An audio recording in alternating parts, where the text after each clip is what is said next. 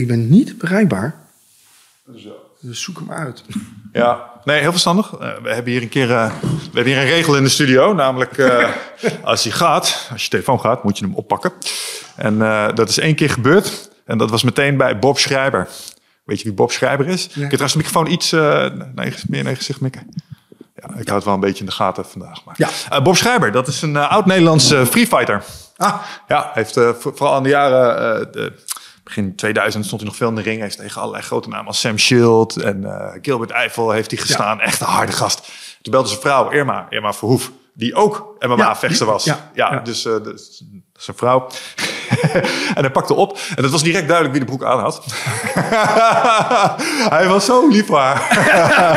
ja, nee, schatje, ik zit even in de podcast Ja, bij de jongens van de Eindbazen. Ja, ja. Zet hem even op speaker, hoor. Irma. ja, leuk.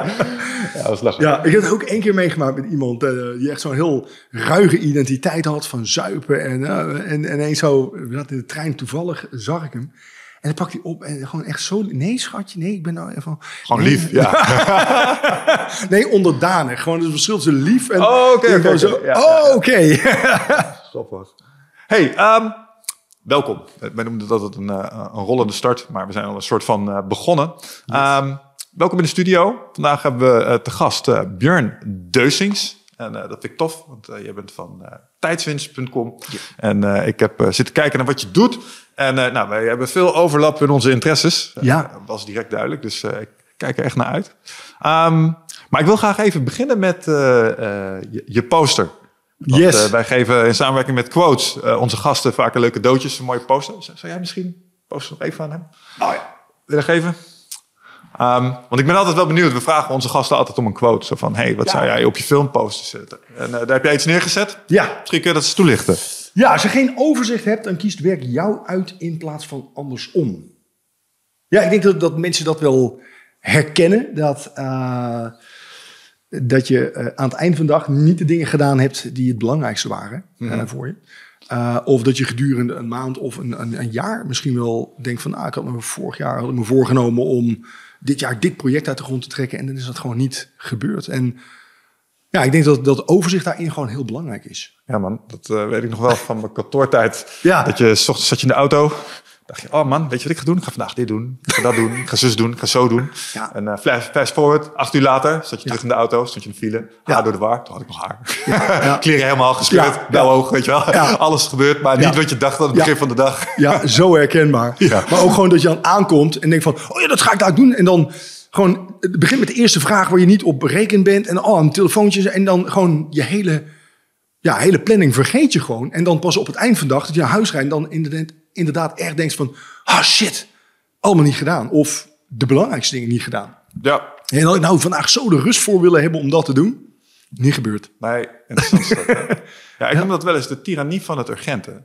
Ja, Dus eh, er lijken, lijken altijd dingen belangrijker Ja. als dat één dingetje wat je graag wilt doen of Ja. zo. Ja, ja kijk, en, en herken, ja, eens. Hè, maar ik denk ook dat eh, dat urgente, dat kan soms ontstaan omdat jij dus niet het overzicht hebt. Mhm. Dus dat je dingen op dat lijstje hebt staan en dan komt er eens iemand en zegt van... hey, eh, Michel, heb je nog gedacht aan eh, dan...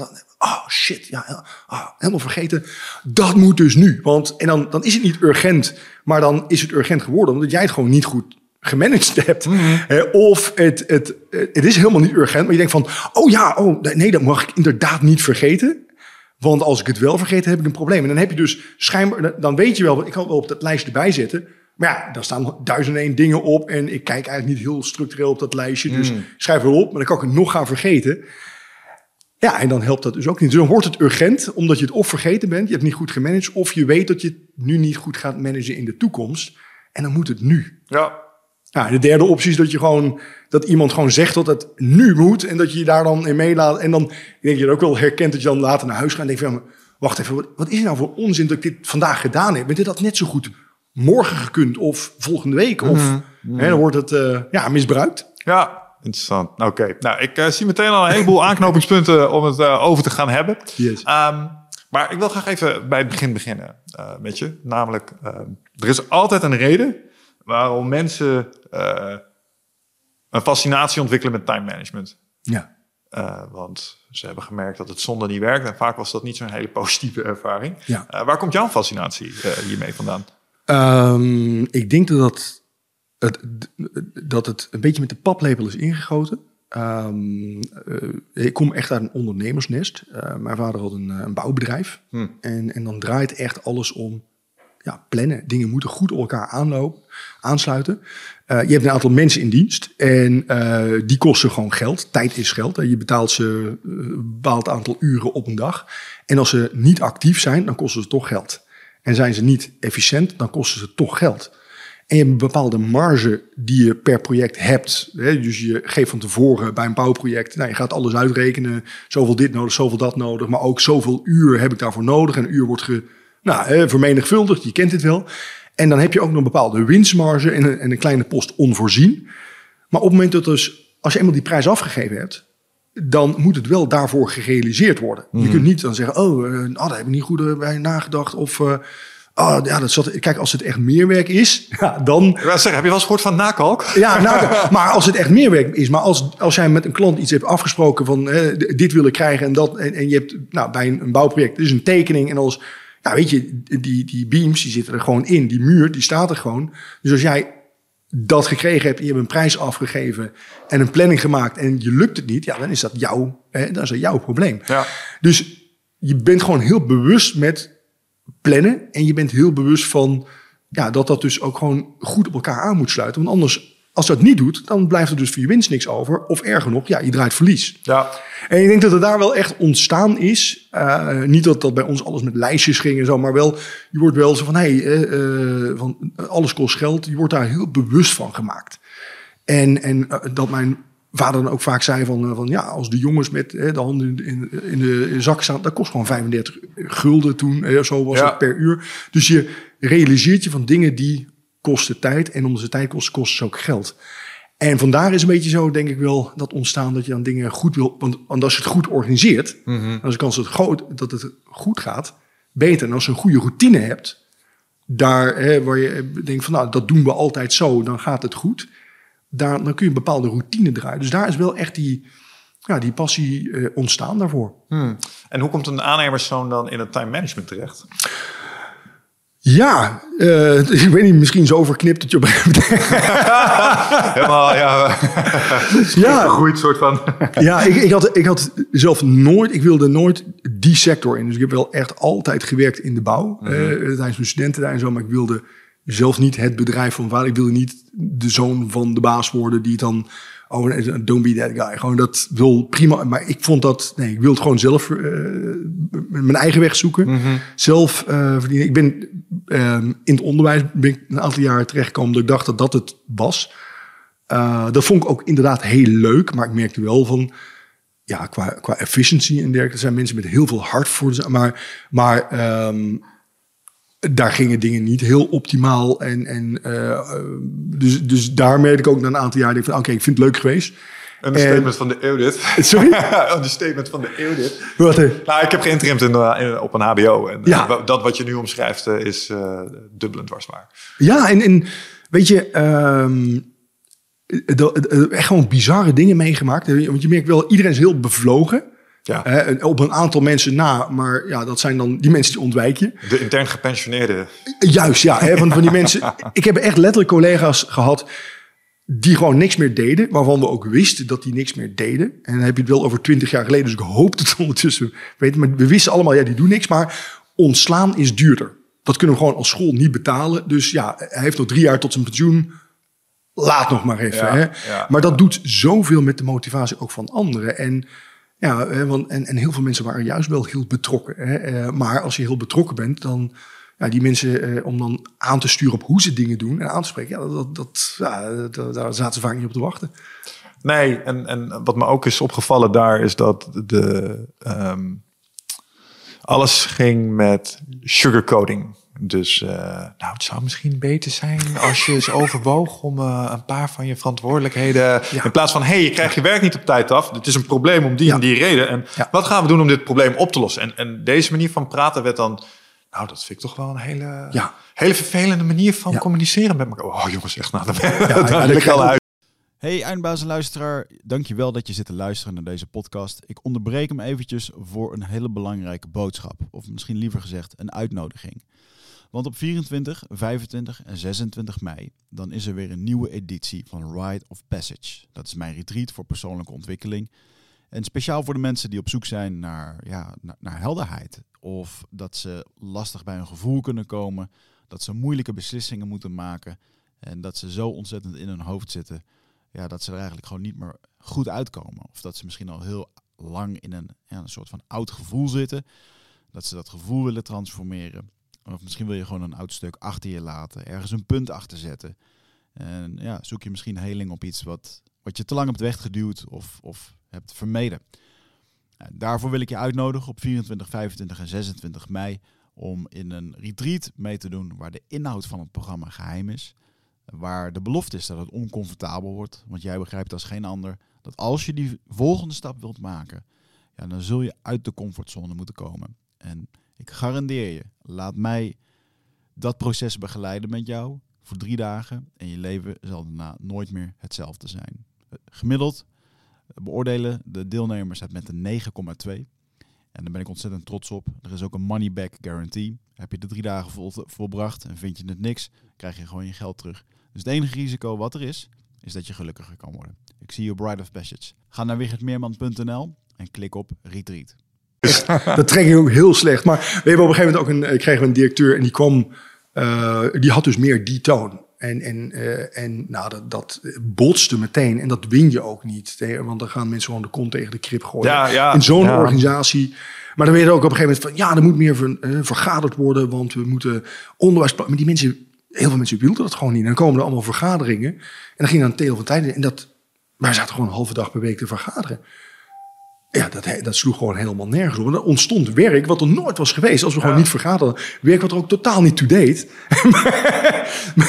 en, en die mensen die, die, ja, die intern gepensioneerd zoals jij noemt, die krijg je daar ook niet mee gemotiveerd. Het is wel een perfecte manier om uh, mensen een professionele, essentiële crisis aan te doen, heb ik gemerkt. Een aantal van dat soort overlegjes gewoon de nek omdraaien. Ja. Zo, hey, wat, wat doet dit eigenlijk? Wat zijn jullie aan het doen? Oh, niks. Oké, okay, zullen we het gewoon niet meer doen? Juist. En, en, dan merk je dat een boel mensen toch stiekem ook wel een stukje waarde in hun werk daarvan ontleden. Terwijl ja. de productiviteit eigenlijk best wel laag was in dat ja. soort overlegjes. Ja. Geen agenda, dat soort dingen. Ja, en, geen agenda, maar dus geen agenda. Um, en dan um, ook op, op momenten dat je denkt van... Oké, okay, jullie moeten elke week bij elkaar komen. Oké, okay, dat betwijfel ik, maar ik ga er even mee. Maar waarom dan om maandagochtend om 9 uur? Zo van, dat zijn je meest productieve uren. En als jij maandag... En ze lopen altijd uit... En zo 11 uur, nou weet je, en dan is er van ja, voor de, voor de, voor de lunch ga ik geen bomen meer de grond trekken. Nou, even mijn mail checken en zo. En dan sleept dat gewoon mee. En ja, dat daar kritischer in zijn. Uh, nee, vergaderen, ik, ik doe het zelf echt zo, zo weinig mogelijk. Maar ik kom bij veel klanten die van nee, maar dat moet echt. En, en ja, ik denk dat jij het ook herkent als je dan even een kwartiertje met ze hebt. Dat is gewoon bullshit. Het is, het, ja, er zou wel. niks misgaan als je de helft zou schrappen. Hier wil ik dan ook nog wel even... Daarna houden we op met onderwijsbash. Want ik vind tegelijkertijd nee, echt een super ik heb, het over, ik heb hier gewoon echt over bedrijven. Sorry. Nee, maar echt gewoon over bedrijven... waar dus echt gewoon heel veel ook vergaderd wordt. Nee, dat snap ik. Maar ik, ik moet zeggen dat ik wel... Uh, misschien herken je dit... Als ik lesgeef aan een uh, club IT'ers... is een andere ervaring dan als ik lesgeef aan een groep HBO of MBO-docenten. Ja. Want het zijn docenten. Dus, dus die vinden inherent iets van. En, en wij hebben het over gedragsverandering. En dat is ook ja. de kern van hun ja. business, zeg maar. Dus uh, daar, daar ja. weten ze ook wat van. Dus ik moet heel vaak merk ik toch even net even twee stapjes dieper om het uit te leggen. En dat is. Ik snap het vanuit onze vakdeformatie, maar het is tegelijkertijd ook wel soms wat vermoeiender. Ja, maar weet je, het probleem, uh, uh, wat ik ook zelf merkte toen ik in het onderwijs zat, je bent gewend om de hele dag de mensen te vertellen hoe het zit. En, en als je dat een aantal jaren gedaan hebt, dat is gewoon niet goed voor. Zet ze ook bij elkaar op, op een personeelsfeest of zo. Ja, iedereen, was dan, iedereen weet gewoon precies hoe het zit allemaal. Dat zijn hele vermoeiende avonden. Ja, ja, ik denk dat dat het is. Ik denk dat je daar uh, de vinger op de juiste ja. plek legt. Ja. Hey, uh, even terug naar het onder. Ik wilde zo nog even terugkomen, want ik heb uh, daar iets meegemaakt waar ik het met je over wil hebben vanuit een time management perspectief. Um, maar je was dus docent en vervolgens dacht je, ik ga ondernemen. Ja, nou, uh, ik, uh, tijdwinst.com heb ik zelf niet opgericht, dat bestond al. Okay. Maar ik ben wel um, bij de allereerste training van het bedrijf geweest. Want dat is goed opgericht door een goede, vriend, een goede vriend van mij. Ik was bij de allereerste training geweest en ik ben toen ook, uh, ik vond dat zo interessant. Ik ben altijd ja, met die materie aan de slag eh, gegaan. Ehm, en eh, toen ik op een gegeven moment in het onderwijs merkte van, ah ja, ik heb het nu een aantal jaar gedaan. Ik vond het echt hartstikke leuk. Maar ik merkte wel, ik werd ouder. Ik gaf middelbare school, gaf ik les. Dus je merkte op een gegeven moment van dat je langzamerhand voor leerling ook een beetje zo een van de oudere docenten begint te worden. En van, ah, nu is er gewoon misschien wel een goed moment. Zeggen, van, De houdbaarheidsdatum is ja, verlopen. eh, zo van, van, van, ik mis zo, eh, op een gegeven moment, ja, je mist op een gegeven moment, eh, je, je voelt ook zo echt die generatiekloof. En daarvan, ah, dan vind ik het minder leuk. En ja, ik vond het wel heel erg interessant om hoe organiseer je dingen, hoe ben je optimaal bezig met je tijd. Ik heb altijd heel intensief gesport. Hè. Dan krijg je dat ook in van, oké, sport is niet belangrijk, maar ook hè, slapen en voeding, dat is net zo belangrijk. Dus ja, eh, en toen ben ik wel, eh, zijn we elkaar weer, eh, waren elkaar een aantal jaar het oog verloren. En toen ben ik, zijn we weer met elkaar in contact gekomen. En ja, dan bouw je daar gewoon onbewust naartoe. Zo van, nee, ik vind dit echt super interessant. Die ander merkt ook die energie. En ja, toen ben ik gewoon geswitcht. En ook gewoon mijn vaste baan opgezegd. En nou, gewoon eh, voor een half jaar contract gewoon gaan werken. En onderaan begonnen als ja, trainer, junior trainer eigenlijk. En me toen op een gegeven moment opgewerkt tot ja, senior trainer en directeur. En uiteindelijk wel overgenomen. Dus echt uitgekocht. eh. Het Hancho. ja, ja, dus, eh, ja, dat was leuk. Niks ja. leuker als een hiërarchie beklimmen, hè? Nou ja, eh, jezelf opwerken, jezelf bewijzen. Ja. Ja, eh, dus ik vind, ik, ik heb gewoon echt een allergie voor mensen die ergens binnenkomen en meteen denken bovenaan in te stappen. Of omdat ze snappen wat ik zeg, dat ze denken dat ze het ook kunnen. Hmm. Zo van, oh ja, dat snap ik wel. Ja, maar dat wil nog niet zeggen. Kijk, jij kunt mij uitleggen uit de vechtsport van hoe je, eh, hoe je een bepaalde stoot moet geven. Of hoe je, of- maar dat wil niet zeggen dat bij mij dat spiergeheugen zo zit dat ik hem in één keer goed plaats. Of dat ik niet mijn mijn scheenbeen breek als ik het probeer gewoon. Hè. Dus en daar is echt wel een verschil. Ja, ja, snap ik. Even voordat we daar verder op gaan, eh, even vragen. Want je zei, ik sp- ik sportte ook fanatiek. Wat deed je? Ehm, ik ben, eh, toen ik een jaar of 19 was, ben ik eh, echt begonnen met, met eh, fitness heel intensief. eh, krachttraining. Ehm, dat heb ik heel wat jaren eh, heel intensief gedaan. Dus echt vier, vijf keer in de week. Ehm, ik ben daarnaast, eh, op een gegeven moment ben ik overgegaan op hardlopen. Daar heb ik, heb een lopersnie gekregen, ben ik aan wielrennen. Nou, heb ik heupproblemen gekregen. Uh, Mooi, hè, sport is echt gewoon, echt gewoon, ja. omdat, ik, omdat je gewoon, ja, weet je, gewoon ook te zeer doorslaat in dingen. Eh, dan merk je over, ja, dan krijg je blessures. Krav Maga gedaan, een aantal Oh, tof, jaren. ja. Eh, Tagfit. Ik ben nog nooit zo fit geweest als toen. Dat was echt... Maar dan ook gewoon... Wanneer? Toen ik toen Tagfit deed, twee, drie keer in de week... in combinatie met twee keer in de week Krav Maga. Wat is TechFit? Eh Tagfit is eh, een vechtsport ondersteunende functionele fitness. Dus vooral Ah, met lichaamsgewicht. zal nu alweer een andere naam voor zijn. Vroeger heette dat Taibo, toch? Eh, nee hoor. dat, was toen, dat was toen jij het deed. lang, lang geleden. Shots fired.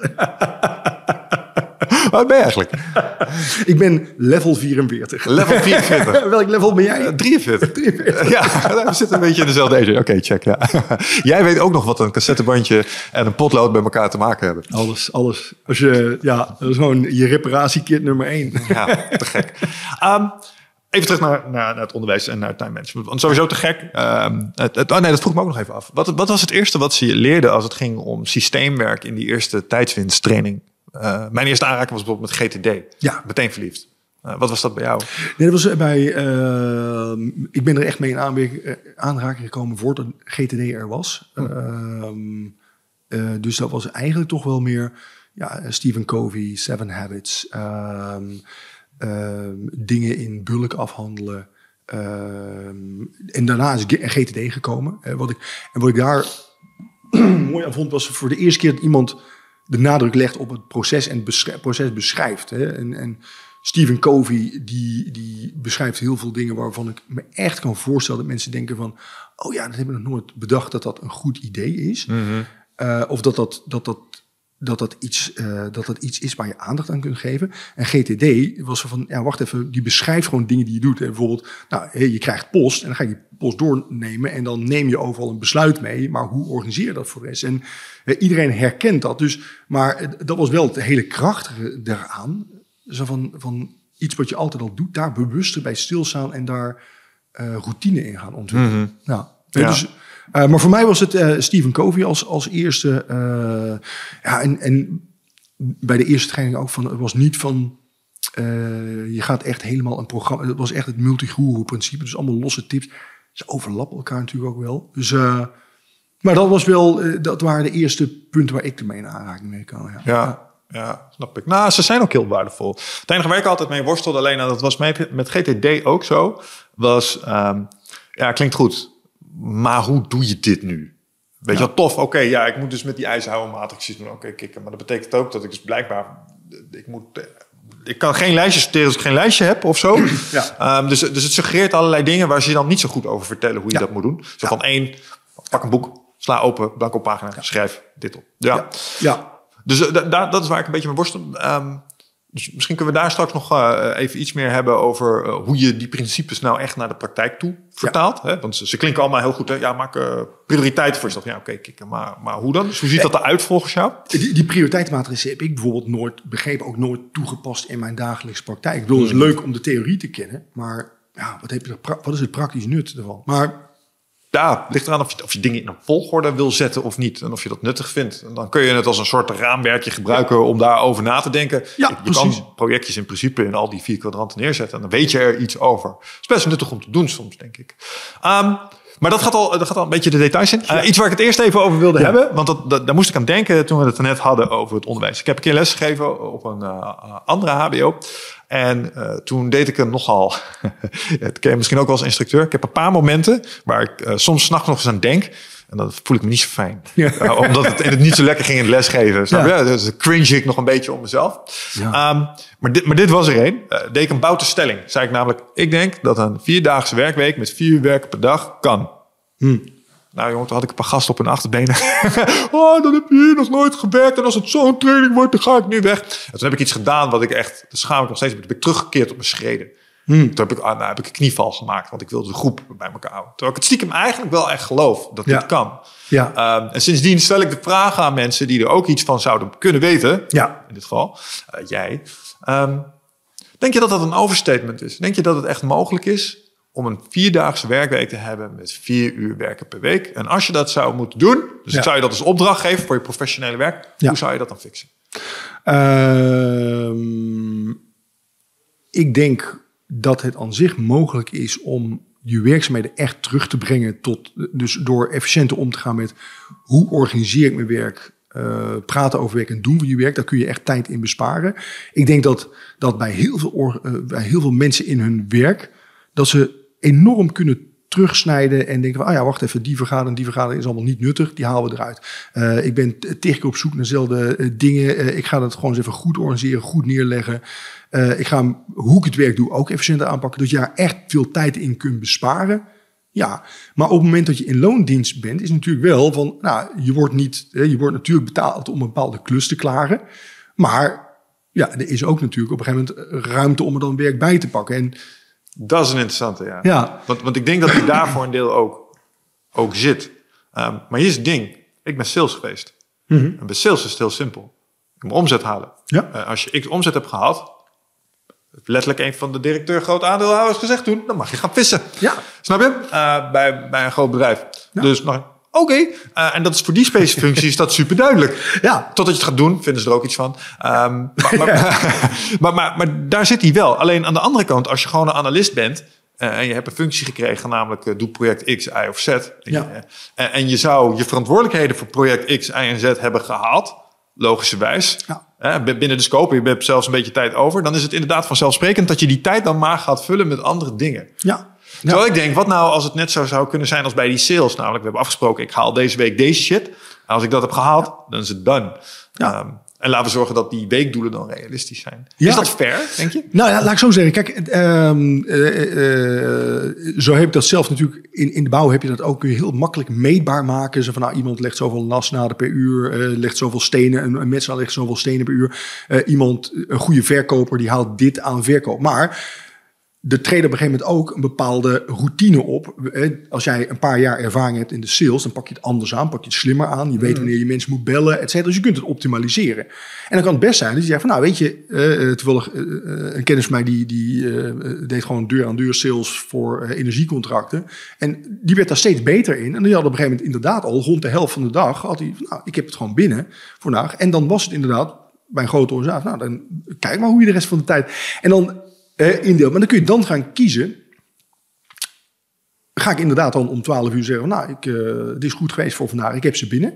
Of ga ik meer doen, want ik, kan nou, ik heb nou de capaciteit om twee keer zoveel omzet te genereren. En in de sales is het dan vaak ook zo, nou, als jij twee keer zoveel omzet genereert, nou, dan komt er ook, heeft dat financieel meteen allerlei positieve consequenties voor jou. Ja, voor team vaak niet, by the way. Eh, is meer werk. Klant dreigt met opdracht. maar, maar dat is wel van.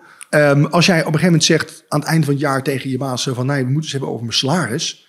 Ja, dan dat salaris, die salarisverhoging, die verdien je zelf doordat je beter wordt in je werk. De kwaliteit wordt beter of de kwantiteit wordt hoger. Eh, en dat is wel van ja, ik denk zeker dat heel veel mensen minder tijd zouden kunnen besparen, eh, be- besteden aan tijd, aan hun werk, aan, en daar hetzelfde in kunnen doen. Maar eh, als jij heel meetbaar merk- werk hebt, ja, dan kun je inderdaad dat soort keiharde afspraken met elkaar maken. Van oké, als je zoveel omzet hebt gehaald, nou, dat is het dan. Wil je op een gegeven moment groeien, wil je een hogere functie, meer salaris, ja, dan zul je ook daar wel in moeten laten zien wat je waard bent. Ja. Hè? Ehm, het werk van een docent is ook best meetbaar te maken, want je moet zoveel lessen geven. Eh, en dat, dat, kun je, dat kun je redelijk meetbaar maken. Ehm, maar heel veel ander werk is moeilijker meetbaar te maken. Als jij bij een, eh, bij, bij een gemeente werkt op een vergunningsafdeling, een projectafdeling, ja, maak dat maar eens meetbaar. Je kunt wel een inschatting doen van hoeveel tijd dat daar ongeveer in gaat zitten. Maar als, als ik aan jou vraag van, van joh, eh, hè, kun je voor mij een website bouwen? En je zegt, ja, dat kost 40 uur. Ja, dan weet ik niet of dat echt... Misschien doe je wel een helft tijd. Mij gaat uiteindelijk van, wat is het kostenplaatje wat daar aan vasthangt? En is dat voor mij interessant, ja of nee? Ehm, dus ik, vraag me echt af of, ja, of dat bij iedereen zo meetbaar te maken is. En, eh, en als er dan ineens, stel ik zou, jij bent gewoon in loondienst en we spreken het met elkaar af en normaal gesproken, je werkt, eh, weet ik veel wat, dat je doet bij de afdeling debiteuren, crediteuren zit en, en, en je moet de facturatie verzorgen en nou, ook redelijk meetbaar in ieder geval qua functie. En stel, ik spreek dat met jou af en jij gaat ineens dat geregeld krijgen in de helft van de tijd. En ik betaal, dus dan heb ik al die jaren heb ik jou gewoon fulltime betaald om dat te doen. En nou ineens ik zeg van nou, zorg dat je in de helft van de tijd, als je klaar bent, dan mag je naar huis. En dan krijg je ineens in de helft van de tijd geregeld.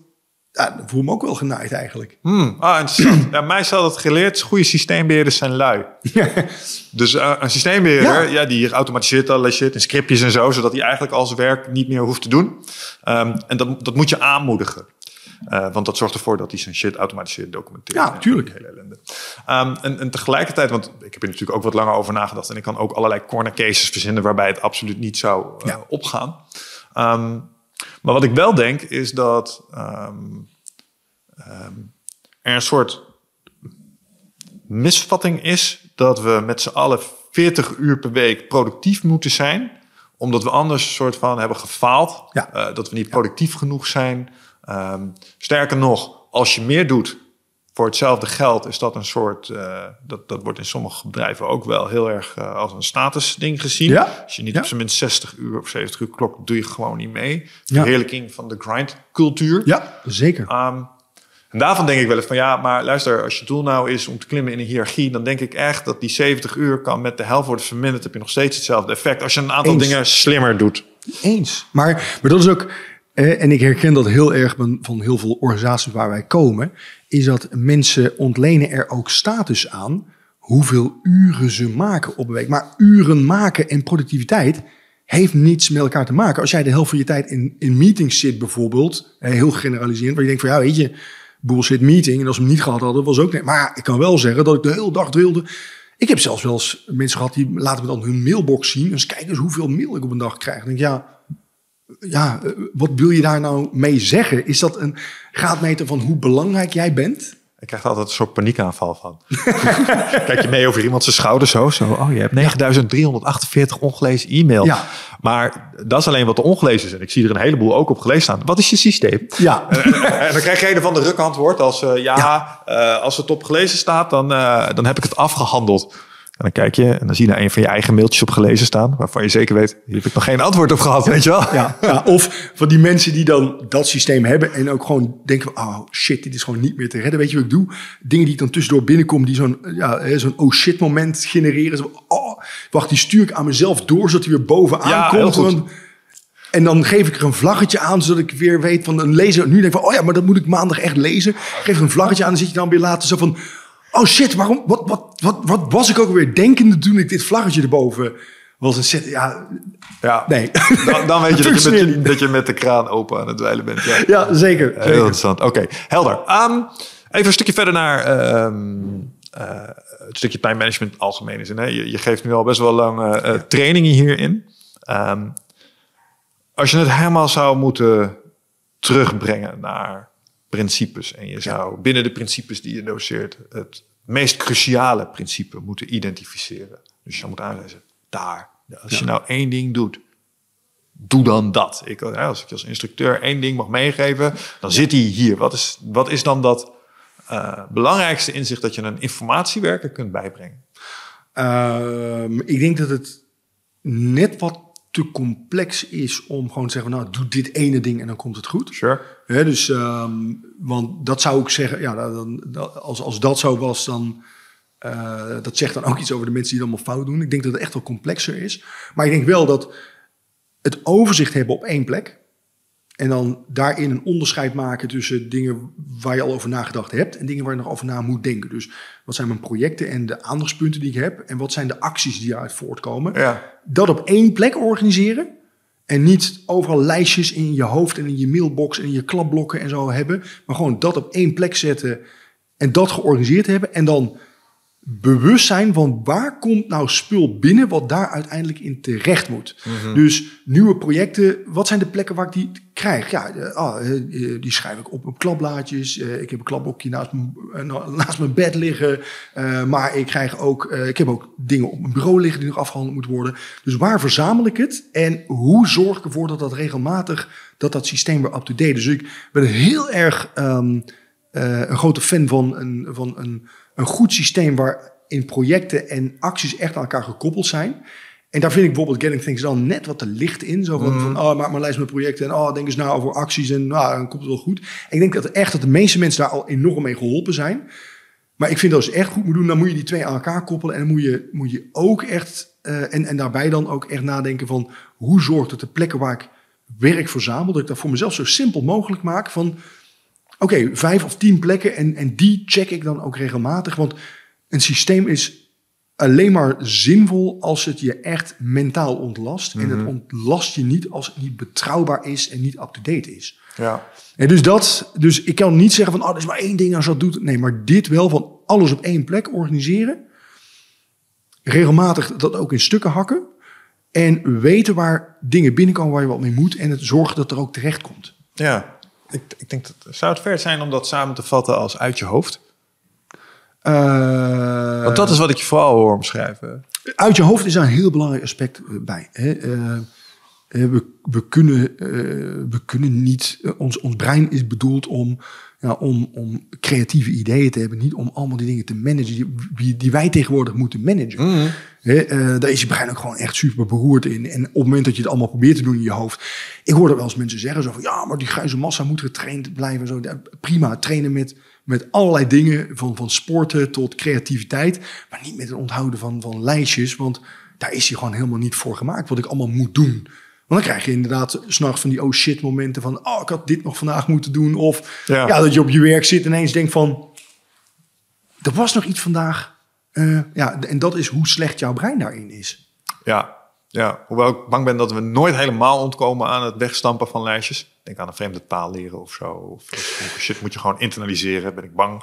Ik heb examens moeten doen, moest ik van die spiergroepen uit mijn hoofd leren. Ja, tuurlijk. tuurlijk. Maar wel, dus- ken ze nu nog allemaal? Nee, nee ja, want nu zoek je ze op. Maar ik heb wel het langste woord uit mijn leven geleerd daar. Oh. Sternocleidomastoideus. Dat is deze spier hier in je hals. ik weet zelf nog hoe je het spellen moet. Goed, dat is iets anders. Ehm, nee, maar ik, ik, ik wil helemaal wat je zegt. Hè. En vooral eh, wat ik mooi vind in wat je omschrijft... is de koppeling tussen de actielijst en de projectenlijst. Ja. En eh, la- laten we het eens even hebben over het concept eh, overzicht en eh, waarom dat zo belangrijk is. En laten we dan even beginnen met een van je prikkelende statements uit je boek. Je hebt namelijk een tof boek geschreven, elke dag voor drie uur klaar. Dus vandaar dat ik ook je iets vragen over die vier, vier uur werkdag. Hoe zit dat? Ehm, nee, maar een van de dingen die je daarin omschrijft is... leuk dat je orde wil, maar eerst moet je naar chaos. Ja. En, en toen dacht ik, ja, maar de meeste mensen zitten toch al in de chaos. Ja. Eh, dus, eh, Nee, maar echte chaos. Er is een verschil tussen stress en chaos. vertel, wa- waarom is dit zo? Waarom heb je dat nodig? Nou ja, weet je, ik denk ehm, dat als je aan mensen vraagt die chaos ervaren en, en die zijn dan gestrest, eh, Hmm. die, die hebben het gevoel dat ze helemaal overlopen. En ik denk dat jij dat net zo vaak hebt gehad in je werk. eh, Een soortzelfde cursisten van die ervaren werkdruk, maar dat is beleefde werkdruk. En als je aan die mensen vraagt van ja, oké, hoe gaat het? Oh, druk. En, en je merkt ook echt van die zitten dan ja, tegen het randje van overspannenheid aan. En als je dan vraagt van waar heb je het dan druk mee? Nou, dan kunnen ze een aantal dingen noemen. En, en voor de rest blijft er vooral dat gevoel over van... ik heb, ze niet allemaal, ik heb het niet allemaal op een rijtje. En dan vind ik het juist belangrijk om te zeggen... oké, prima, hè, ik snap het. En dan hoor ze ook al dingen zeggen die echt belangrijk zijn... en die belangrijk klinken. En sommige dingen die dringend zijn, andere die dringend klinken. Maar daar is niet echt over nagedacht. En om dan eens even gewoon te gaan zitten... en dan is het wel chaos in je hoofd... maar dan, oké, gaan we zitten... en wat moet er dan echt allemaal gebeuren... En schrijf maar eens alles op. En ik heb, we hebben ook een triggerlijst voor. Zo, om eens kijken van, nou, met allemaal losse kreten. Om te kijken of we het nog erger kunnen maken. Gewoon van, Ja, chaos ja, moet compleet. Want ik, pas op het moment dat je dan een half uur of drie kwartier, misschien een uur of twee uur hebt zitten schrijven. En denk oké, nu is het echt allemaal eruit. Dan pas kun je gaan kijken, oké, maar wacht even, dit is veel te veel. Hoort dit allemaal bij jou thuis? En wat hoort niet bij jou thuis? Ja. Oké, leg dat dan bij die persoon neer waar, waar thuis hoort. En niet van, ja, maar dat kan niet, moet ik allemaal zelf doen. Ja, ik bedoel, hè, als je in een gat zit, hou op met gaven. Ja, Hè? En wat er overblijft, dus ligt altijd meer dan je kunt doen. Wat heeft nou echt je prioriteit? Wat is je core binnen, binnen jouw functie? En wat doe je dan nu en wat doe je eventueel later? Maar ik vind het heel belangrijk dat mensen... eh, eh, Zie het met het... Als je een huis gaat bouwen, dan is het natuurlijk hartstikke mooi eh, van, van oh, wat er moet er allemaal geregeld worden. En naar de, naar de verschillende winkels gaan. Te kijken welke tegels moeten in de badkamer. Wat wil ik waar hebben. Maar op een gegeven moment moet je wel gaan zitten en een plan gaan maken. En kijken wat is mijn budget en waar ga ik wel aan uitgeven, wat niet. En dat wil je eigenlijk gewoon mensen leren om dan te doen. ja. Wat ik fascinerend vind aan mensen die dat ervaren, die ervaren werkdruk. Ehm, en je laat ze een minddump maken, zoals je juist omschreef. Dat ze. Je komt twee categorieën tegen. Namelijk mensen die beginnen te schrijven en die denken: shit, ik ben lek. Ik, ik, ik kan nu twee uur schrijven, vijf uur schrijven en dan blijft het, blijft het lopen. Ja, Ah, valt mee, gelukkig. Is een stuk Ja. 200 dingen houdt het op vaak. Maar eh, de- die, die tweede categorie vind ik interessanter. Namelijk mensen die echt het gevoel hebben dat de meter echt door het rood heen is. ja, Eh, en dan gaan ze schrijven en dan komen er maar twee dingen uit.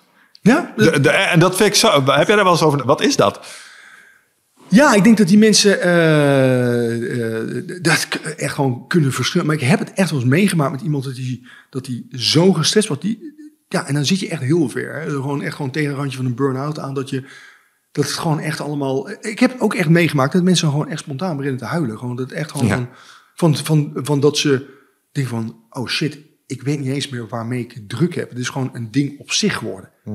Hè, en, en, en die mensen, dan helpt het ook niet om te zeggen: van, Oké, ik help je even mijn lijst maken. Nou, ga morgen dat en dat maar doen. Want die, die hebben daar ook de motivatie niet meer voor. Die, die, die zitten een heel ander. Dat, dat, pro- dat, het probleem zit niet op dat niveau. Die heb je zojuist het laatste setje na zijn burn-out gegeven. Ja, soms wel. Ja, nee, maar soms wel. Hè, maar, maar je hebt ook. ehm, eh, maar dat ze gewoon echt. Of dat ze nog nooit op die manier hebben nagedacht over hun werk. Zo van ja, wat moet ik eigenlijk doen? Mhm. Het zijn twee hele andere dingen. Die, die, ja, die ene groep denkt van hé, maar dat is wel nuttig om dan.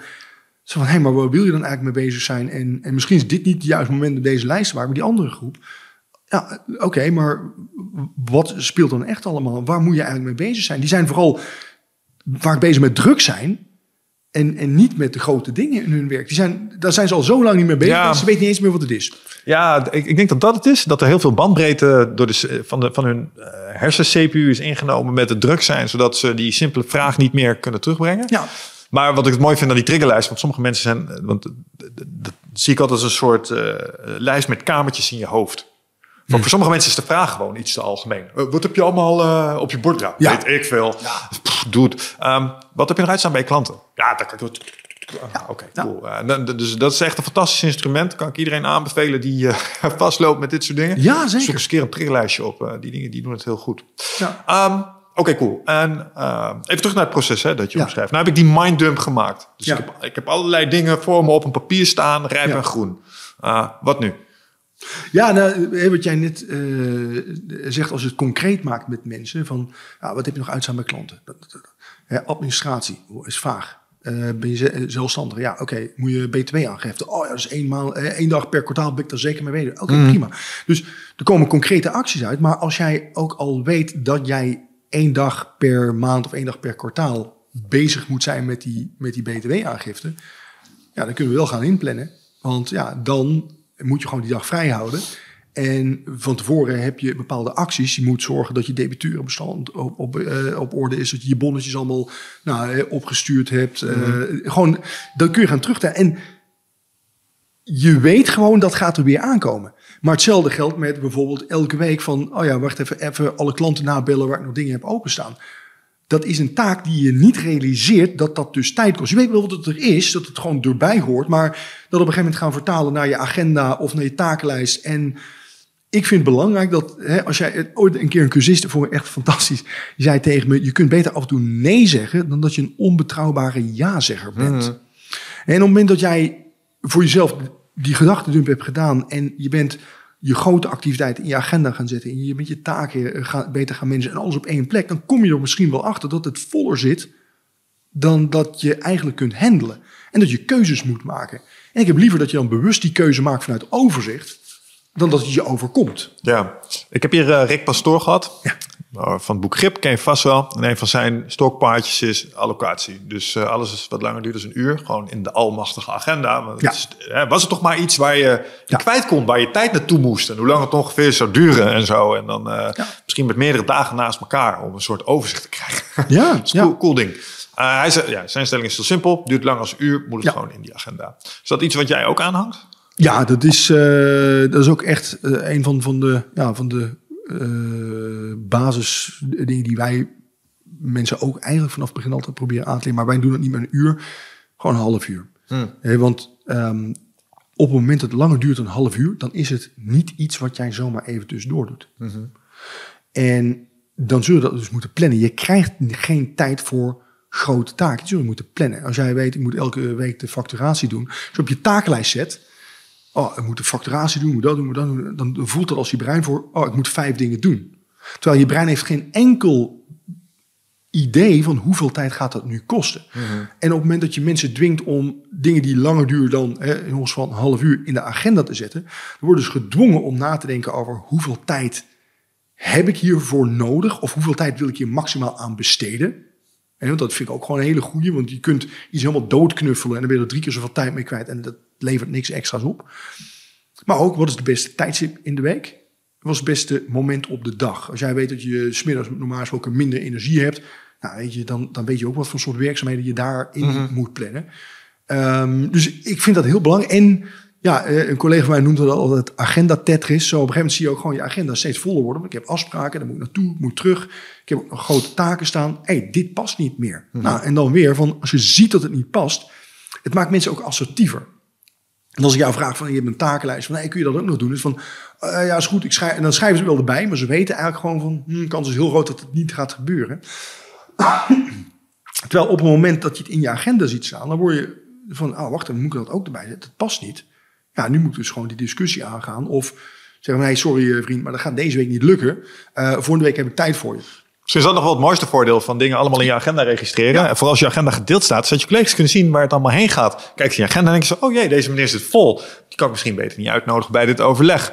Of eh, als je baas naast je staat, van hé, hey, waarom is het nog niet af? Kom maar even mee, gast, kijk. Oh, je wil dit, je wil dit erbij in parkeren. Oké, dat is ongeveer vier dagen. Kijk in mijn agenda. Zeg Ja. maar, wat is de volgorde? Ja, nou ja, weet je, hè, ik heb er wel eens gehad, dat als met mensen die jouw gedachten gaan, je had het, hè, eh, als je het helemaal ingericht, dat ze zeiden van, dat ze voor de eerste keer nu pas helder hadden waar hun tijd in ging zitten en waarom ze. Dus ze weten het wel, maar ze wisten het niet echt. Hè. Ze- Je ziet, je voelt pas als je ziet. Ja. En dat je dan gewoon naar je, naar je baas kunt gaan, en want die heeft het dan meestal gedaan. Dat je met hem kunt overleggen. Zo van, ja, wacht even, wat heeft nou echt prioriteit voor me? En ik vind wel, ja, je, moet je mag echt wel geprikkeld worden om dingen gewoon echt goed te organiseren. En eh, eh, om daar echt te kijken, hoe kun je het slim inrichten en slim indelen voordat je gaat klagen bij een Ja. ander. Eh, ik vind ook klagen bij een ander van, van oh, hè, hoe dacht je? Nee, laten we gewoon samen even constructief keuzes maken. Want, want ik, dit is mijn budget. In tijd. Er gaat zoveel gaat op aan mijn vaste lasten en allemaal de dingen die dagelijks mee moet doen. Ja, zo wil ik over. Zeg maar. Wat, wat, wat, doen we? We zijn volwassen professionals. Laten we ons zo gedragen in dat opzicht. Ja, weet je, ik denk dat op het moment dat je echt te maken hebt met iemand die dat, eh, dat gesprek niet met je aan wil. Of dat, nou, of dat jij dat nou bent of, of je leidinggevende. Jij wil dat gesprek niet aangaan of hij wil dat gesprek met jou niet aangaan. Moet je afvragen, zit je wel op de juiste plek? Ja. ja. Ben je, word je daar nou gelukkig? Eens. Ja, nee, ik, ik denk dat dat, eh, eh, ik denk dat dat informatie is. Als je, als je daar zit. Ehm, eh, even terug alleen naar het agenda gebruik. Want de, natuurlijk eh, heb ik dit ook wel eens geprobeerd aan mensen hun verstand te peuteren. En dan krijg ik zo- twee reacties, drie reacties. Eén, ah, goed idee, te gek, zou ik eerder moeten doen. Ja. Twee, ik ben niet zo gestructureerd. Die vind ik altijd interessant. Dan denk ik, maar ik weet niet, maar ik kan, dan, dan ga ik ernaast staan. En, en dan zeg ik, klik daar, trek een lijntje naar beneden in Ja. je agenda. Zie, daar staat de blokken, kun je daarin, zie, je kan dit. Ja. Dus dat, dat is wat ik daarvan denk. Hoe zie jij dat? Nou, die tweede categorie, ik, ben niet zo gestructureerd. Ik denk van, oké, eh, eh, kan ik wel mee, kan ik je laten zien, kan ik je leren. Op het moment dat ze zeggen van, ja, nee, maar ik ben gewoon creatief. Nou, dat trek ik, dat, dat trek ik slecht. Gewoon echt zo van, oh, wacht even. Want ik ken heel wat creatieve mensen en die zijn super georganiseerd. Ja. En gewoon van, van, van schilders tot muzikanten. Eh, eh, eh, gewoon echt schilders gewoon van... Of ze hebben het zelf gewoon heel goed georganiseerd. Van die hebben van nou, deze, alle kleuren zijn op voorraad en alles ligt precies waar het moet liggen. Muzikanten precies hetzelfde. Hè, gewoon van topgitaristen. Van nou, al hun gitaren mooi naast elkaar allemaal onderhouden. Overal eh, de snaren precies op volgorde liggen. Tangetjes, gewoon alles hangt. Of ze hebben het goed zelf georganiseerd. Of ze weten dat dat niet hun sterke punt is. En ze hebben het uitbesteed aan iemand anders. Om dat gewoon echt goed voor hun te regelen. Ja, ja ik, ik, ik snap het. Ik, ik kan er ook nooit. Oké, daar denken we dus hetzelfde over. Heel goed. Maar dan heb je een derde categorie. En, en Ja. voor die heb ik meer sympathie. Eh, want die geven aan, oké, ik, ik vond het goed klinken. Ja. Ik ben het gaan doen. Alleen nu gebeurt het volgende. Ehm, nu eh, staan de dingen erin gepland. En nu wordt dat telkens door van alles gekaapt. Dus ik zie mezelf de hele tijd afspraken vooruit schuiven. Ja. Eh, opnieuw de, de agenda Tetris spelen. En Ja. ja. ja, dat vond ik maar vervelend. Want dat gaf me het gevoel dat ik niks voor elkaar kreeg. Dus ik ben er maar mee gestopt. Ja. Wat, zou je tegen die mensen zeggen? Ja, weet je, ehm, daar zijn natuurlijk, er kunnen verschillende oorzaken voor zijn. Maar als jij het te vol plant, ja, dan kan ik me voorstellen dat dat gebeurt. Dus als jij denkt van, ah, wacht even, eh, ik had bijvoorbeeld eh, gisteren een heel leuk gesprek met, eh, met een eh, basisschooldirecteur. Ja, ik ben er gaan doen, maar ik merk wel dat ik bepaalde dingen constant vooruit aan schuiven ben. Dus even, oké, prima, hoeveel, laten we eens even je volgende week zien. En dan zag ik al van, ja, dat zat eigenlijk gewoon al vol helemaal. Oké, maar ehm, als directeur zijn de, heb je soms te maken met boze ouders, boze collega's, et cetera. Ja, elke dag. Oké, prima. Hoeveel procent van je dag gaat er gemiddeld in zitten? Ja, hun kan elke dag anders zijn. Ja, gemiddeld. Ja, ik denk wel 1 à 2 uur per dag. Oké, elke dag, ja. Een mail, ja, daar ben ik ook wel een uurtje per dag mee bezig. Oké, dus elke dag gewoon 2 à 3 uur, dus 2,5 uur. Ja, oké, maar dan zie ik in je agenda niet terug. Dus jij weet dat het bij je functie hoort. Je vindt het ook belangrijk om dat op te pakken. Maar in je agenda hou je er geen rekening mee. Toen was het, oh ja, wacht. Oh, wil je zeggen dat ik dus meer ruimte moet houden? Ja, je kunt het ook niet doen. En moet je vanavond door. Hè? Maar ja, dat, Ja. Dat, wordt, dat wordt heel snel oud. Hè? Ehm, maar dat merk je soms van dat mensen het, dat ze daar geen rekening mee houden. Ze denken ineens dat heel hun dag planbaar is. Of dat ze veel te optimistisch gepland hebben. Dus eh, eh, de planning fallacy. Zo van, oh, alles is altijd... Alles gaat altijd goed. Nee, dat is niet zo. Wat, wat is jouw valkuil? Je eigen productiviteit overschatten of de complexiteit onderschatten? Eh, mijn energie overschatten. Zo Ja, van, ja, van- ik ja, denk ja, ja, ja. Ik denk Oh, van, oh, wel. ik piek de hele dag. Zo. Ja, Ja. grappig. Maar dat- jaren met agenda's werken nog steeds. Zie je jezelf in de agenda zitten. Ja, nee, ga ik fixen gewoon. Dus, weet je, maar, maar dat is ook niet erg. Ik bedoel, dat is ook het spel wat gespeeld moet worden. Ik denk ook echt dat als je dit gaat, als je die tips oppakt en het lukt allemaal in één keer, dan leg je de lat ook misschien niet hoog genoeg. Ik bedoel, hè, eh, Oh, zo. Ja, hè, je mag ook best die grens opzoeken. Ja, ik geloof in ambitieuze planningen, 100%. Ja, nee, zeker. Ik bedoel, bij, bij kickboksen is ook zo niet. Ja, ik bedoel, waar, hè, hoe word je beter? Nou, door te leren incasseren, gewoon ook door echt gewoon ja, heel hard te trainen tot, tot ja, bijna beroerd zijn aan toe. Ja. Te- tegelijkertijd geloof ik wel dat zulke... Ja, intensiteit is absoluut een factor. Eh, en ik ben een fan van eh, intense effort. Ja. Omdat je dan ook in een soort flow komt. En eh, grit daarbij hebben is goed. Alleen daar zit wel de valkuil in. Want eh, want je omschrijft het net zelf ook. eh, ik denk dat ik constant kan pieken. En als ik niet kan pieken, vind ik dat ik zou moeten pieken. Dus ga ik discipline aanspreken. En er zijn ook momenten geweest dat er, eh, zoals met te waarvoor, dat ik dat te veel deed. En dat vind ik wel, een, wel een nuance die we hier zouden moeten aanbrengen. Ja. Namelijk intensiteit stop, maar moet wel weer teruggekocht met rust. Want Ja. adaptatie vindt plaats in rust. Ja, Ehm, dat is het enige wat ik, wat ik daar wel zou toevoegen. Plan jij in dat opzicht downtime voor jezelf? ja, ja. Ja, weet je, eh, ik, ben, eh, ik ben wel iemand geweest die echt heel wat jaren heel hard is gegaan. Gewoon van echt gewoon, omdat ik het gewoon ook echt leuk vond. Ja, ja. Echt, echt gewoon echt uit passie. Maar ook dat wordt op een gegeven moment gewoon van, oh ja, ja weet je, is er, er is ook meer hè, eh, in het leven. Ehm, maar ik vind wel dat je die grens echt moet opzoeken en af en toe licht eroverheen moet gaan om te weten waar die ligt. En niet al zeggen, oh ja, ik zie hem aankomen en nu stop ik alvast. Dus, ehm, en dat is ook een leerproces. Maar ik plan echt heel bewust downtime voor mezelf. Ja. Hoe belangrijk is ehm, eh, het, het, prof- eh, het privé-domein, het persoonlijke domein in jouw systeem? Eh, Wat bedoel je er concreet mee? Omvat jouw systeem ook projecten die niet professioneel zijn? Ja, Dus bijvoorbeeld je, je sportprojecten, je, Ja. je, ik weet niet of je vader bent bijvoorbeeld, misschien heb je dingen met je ouderschap waar je wat mee wil. Ja. Selectie voor je kinderen van school bijvoorbeeld, ik noem maar iets. Eh. Dus al die gewenste uitkomsten zijn die ook een onderdeel van je systeem. zeker. Ja, het een kan niet zonder het ander. Mhm. Dus ik, ik vind het heel belangrijk, ehm, en, en dan vond ik met Stephen Covey, die zegt dat heel mooi, zo van, ja, wie zegt op het einde van het leven was ik maar meer op kantoor geweest. Ja, eh, jammer dat ik die Zoom-meeting gemist heb. Ja, hè, en, en je wil ook niet eh, die, die man zijn die op zondag het vlees komt snijden. Zoals eh, ik ben een of andere oud minister die zei, dat zijn vader was zo vaak weg. Dus van, oh, wie is die man die op vrij... eh, Oh, zo, ja, ja, ja. ja. Dat is je vader. Oh, oké. Zo. Cool, ik heb dus- een vader. Ja. dus dat, eh, was, vroeger was er een reclame. maar ehm, nee, dus ik plan tijd voor mezelf. Hè, en ik merk ook echt van, ik heb tijd nodig om te sporten. Ik heb tijd nodig voor hobby's. Dus die tijd moet ik inplannen. Want anders ben ik ook geen leuke partner. Ben ik ook geen leuke vader. Ehm, maar daarnaast zijn ook privé, zijn er gewoon ook projecten. Hè? Als je zelfstandig bent, ja, je wil ook een keer met pensioen. Nou, dan moet je dus wel hè, je huis, dat is ook een doorlopend project. Maar eh, genoeg met elkaar, met je partner op vakantie gaan, leuke dingen doen. Ja, dat is ook echt gewoon iets wat ik dus inplan. Omdat ik het, en dat, eh, ik heb wel eens gehoord dat mensen zeggen van, ja, jee, eh, maak je overal een lijst van. Ja, maar ik vind het belangrijk. En ik vind dat net zo belangrijk als de zakelijke dingen. En ze moeten wel een evenwicht zijn. Ja. En eh, mijn dochter bijvoorbeeld, ehm, eh, aan het begin van het jaar krijgen we door wanneer ouderavonden zijn, maar wanneer ook dit jaar schoolverlaterskamp en schoolreizen en zo. En dan plan ik daar gewoon een dag voor vrij, zodat ik mee kan. En gewoon van echt van, hey, je weet het op, op tijd, dat plan ik in.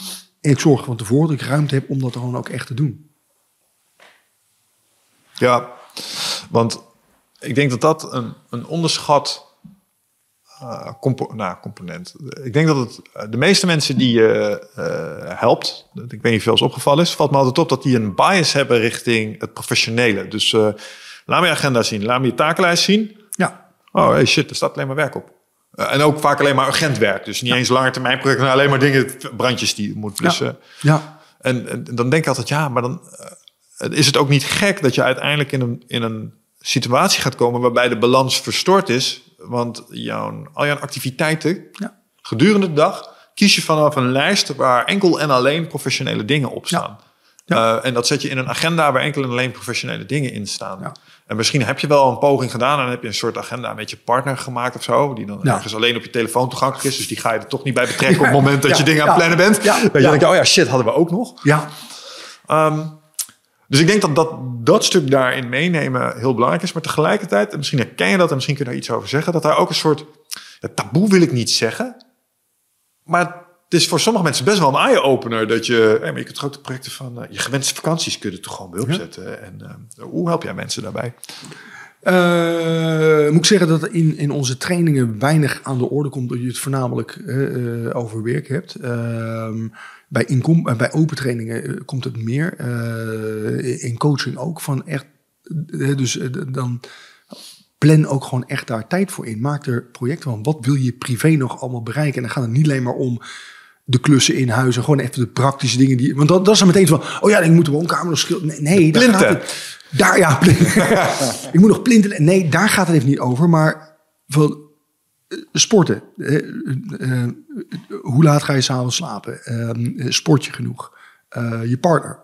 Vind je elkaar nog leuk? Doe nog leuke dingen? Maak je eh, een, een, een kennis van mij die echt aan het begin van het jaar, die gaat dus gewoon met zijn, met zijn vrouw samen, eh, hebben ze gewoon zo'n kalender in de keuken eh, hangen. Volgens mij krijgen, op het eind van het jaar krijgen we de Chinees en hangen dat dan op. Ja, en, dan, en dan gaan ze echt gewoon zo kijken. Ze van, oké, die week gaan we samen weg, die week gaan we samen weg, die week gaan we samen weg.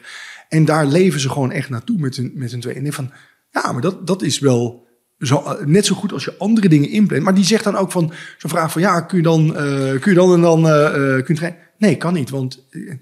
en dan, ja, maar wat, wat heb je dan iets anders aan? Ja, we gaan een, we hebben die week gewoon met z'n tweeën gaan we ergens naartoe. Ah, maar heb je al wat gepland dan? Nee, maar daar kom je dus niet aan. En dat is waar, waar heel veel mensen, hè, zeker als je het overzicht niet op één plek hebt. Ik heb, ik heb in mijn calendar, Google Calendar gebruik, gebruiken wij dan, Google Apps. Daar kan ik mijn zakelijke agenda, privéagenda, Ja. gewoon naast elkaar leggen. En dat vind ik heel. Dus ik heb die ook altijd openstaan. Niet als collega, maar voor mezelf. Dan als er iets bij komt van, hey, staat er niet iets in mijn privé-tijd, iets voor mezelf. Ja. Hoe hou ik die balans eh, eh, goed? Als je dat niet gedaan hebt, de mensen die bijvoorbeeld een Outlook-agenda hebben, en die plannen allemaal dingen in, en dan komen ze later erachter als ze dan op hun telefoon kijken. Oh, shit, daar stond eigenlijk wat. Ja, en weet je, kan een keer. Hè, dat maakt niks uit, maar dat moet niet structureel worden, want daar loop je op een gegeven moment op leeg. Die balans moet er wel zijn. Mhm. Ja, alle pogingen die ik heb gedaan om afspraken af te stemmen in verschillende agendasystemen, die niet met elkaar gesynchroniseerd konden Ja. worden, zijn eh, valikant gefaald. Ja. Hetzelfde geldt voor pogingen om e-mailboxen te scheiden van elkaar. Oh, ik heb een Nutrifit e-mailadres, ik heb een 12 waves e-mailadres. Ja, ga ik gewoon eh, lekker gescheiden. Nee, je zit Ja. uiteindelijk, eh, forward die shit naar dat ene adres en je gaat gewoon lekker uit, eh, uit dat ding zitten mailen, want anders gaat het niet werken. Ga je dingen missen, ga je fouten maken. Ja, maar, maar dat is, om er even erbij te pakken, pakken. Als je geen overzicht hebt, Ja. dan kies het jou uit. Hè? Maar, maar dat is wel van, van eh, eh, dat is gewoon niet lekker als je eh, iets gepland hebt met je partner en dan ineens komt er van werk zo en omdat je dat overzicht niet hebt, dan zeg je, oh ja, nee, is goed, dan pak ik dat wel bij en dan doen we dat die avond. En dan later te horen krijg je, maar wij hadden toch wat gepland. En dan, bij heel veel mensen is het zo dat ze dan toch kiezen voor dat werk gaat voor op privé. En dat voelt slecht. Ja, en ik denk dat dat ook precies is wat Covey bedoelt. Dat als je op het laatst terugdenkt over keuzes, Ja. als je op je sterfbed ligt, dat je de conclusie komt dat dat misschien niet de juiste prioritering was. Ik, ik geloof dat. Ja, en, en waarom Echt. durf je dan wel tegen je partner te zeggen... nee, sorry schat, maar er is wat tussen, eh, tussen gekomen. En zeg je nou niet tegen die klant... Ja, bedoel, het, natuurlijk is het niet professioneel als tegen een, een, een klant of een relatie zegt van... oh, sorry, niet goed in mijn agenda gekeken, want er stond wat. Maar eh, ja, waarom doe je dat een wel en de ander niet? Waarom is dat zo? Waarom denk je dat dat zo is? Ik denk dat punt 1 dat mensen dan denken dat het, dat het niet professioneel overkomt, is natuurlijk ook zo. Ehm, en punt 2, dat je zou dan wel kunnen zeggen, ik heb eigenlijk al wat staan. Maar als er al wat had staan, dan had je het moeten zien. Dus dat wil zeggen dat dat dus niet zakelijk is, maar privé. En dan en mensen zeggen, ja, wacht even, maar hey, ik ben je klant of ik ben je collega. Dit is werk, hier verdienen we het mee. Privé moet maar schuiven. Ja. En eh, ja, ik denk dat er net wat meer druk ervaren wordt in je professionele omgeving dan in je privéomgeving. Vind je dat terecht? Nee, vind ik niet terecht. Maar, Nee. maar ik denk ook dat je dat gewoon een aantal keer meegemaakt moet hebben.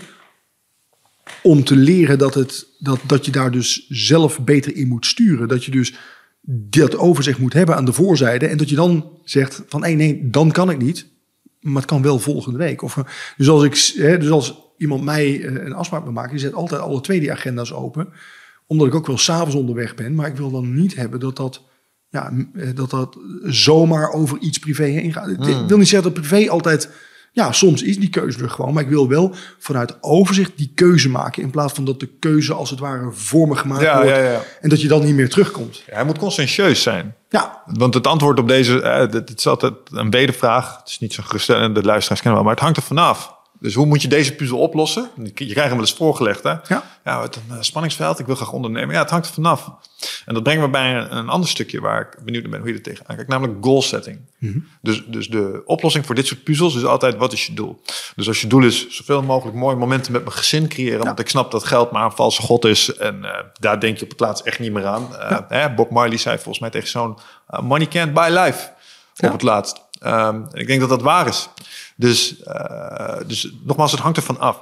Maar, dat- maar aan de andere kant zou je ook als doel kunnen hebben... ja, is leuk en aardig, maar ik voel een missie... en ik ga dat tijdswinst.com ga ik naar grote hoogst brengen... want ik zie dat er een soort uh, burn-out crisis in Nederland is waar ik een, uh, waar ik een, strijd te leveren heb. En uh, nou, ik kies ervoor om dat mijn legacy te laten zijn. Ja. Oké, daar komen andere, andere keuzes uit. Maar het ja. vergt wel dat je hebt nagedacht over je doelen. Ja, en, en, en dat je um, ook gewoon realiseert, je kunt meerdere doelen tegelijkertijd naast elkaar hebben. Mm -hmm. He, je hebt zakelijk een aantal doelen. Je hebt ja. uh, persoonlijk een aantal doelen voor je, voor je uh, thuissituatie. Een aantal, en die kun je gewoon naast elkaar hebben.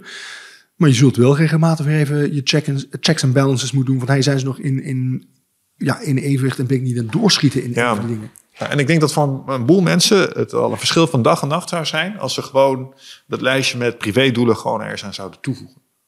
Omdat ja. de meeste systemen dat er niet in hebben zitten. Ja, en, en um, zorg ervoor dat je het concreet maakt. Hè. Uh, uh, volgens mij was het een leuke uitspraak.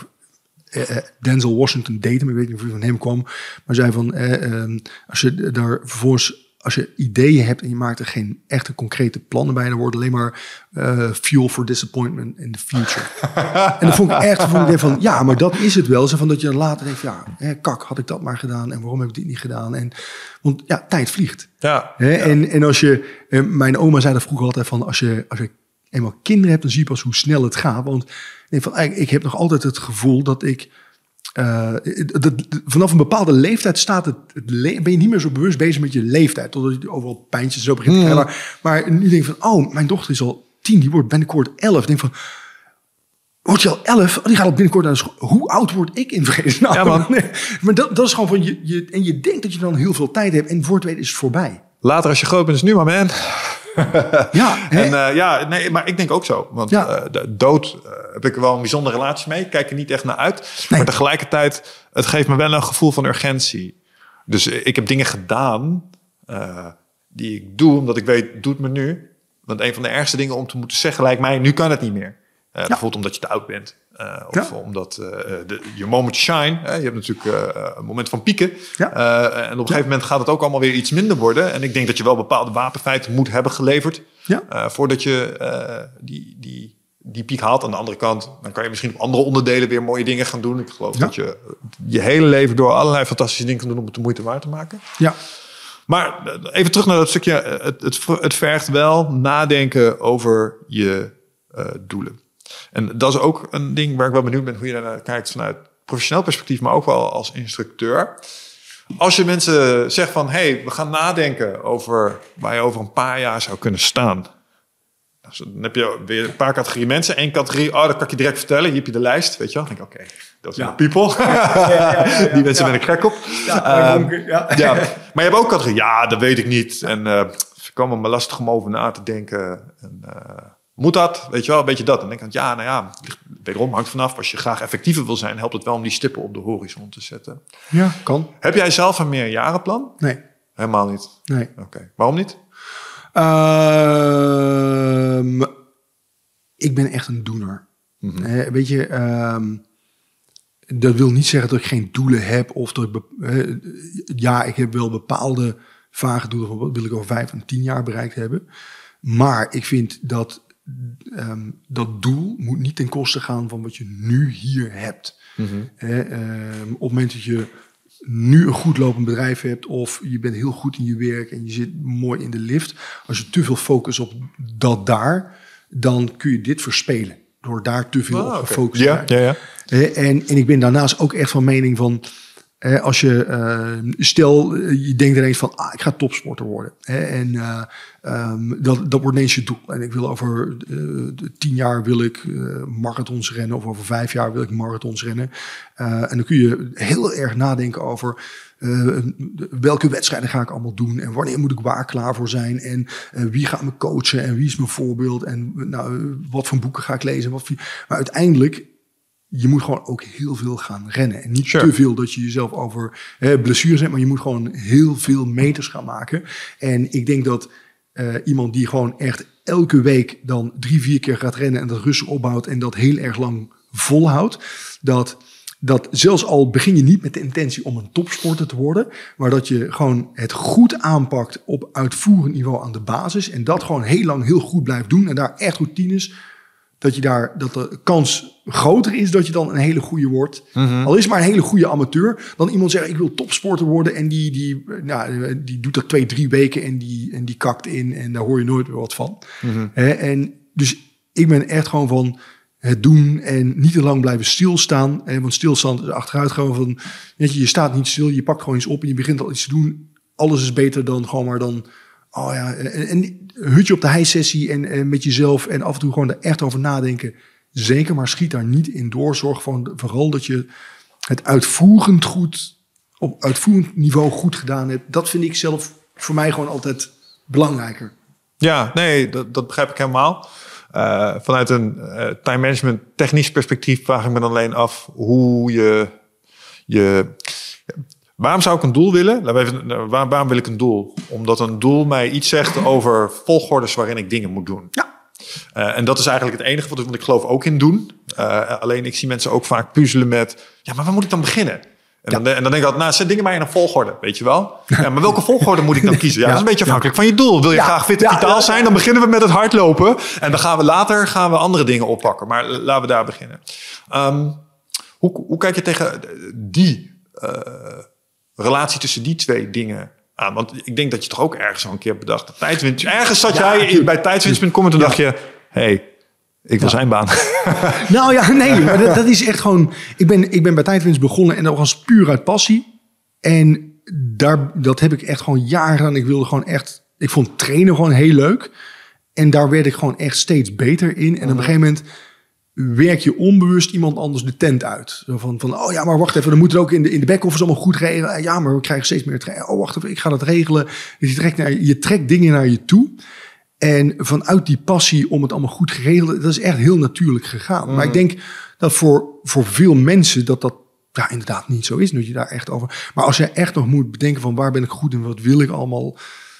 Uh, ik denk dat, dat, dat, dat als het echt gewoon heel op een heel bazaal vlak afwezig is, ja, dan, dan kom je überhaupt niet bij mij in training. Dan ga je ook jouw boek bijvoorbeeld niet, nog niet lezen. Dan zit je in de fase daarvoor. Maar als je ermee worstelt, ja, dan worden dat soort vragen.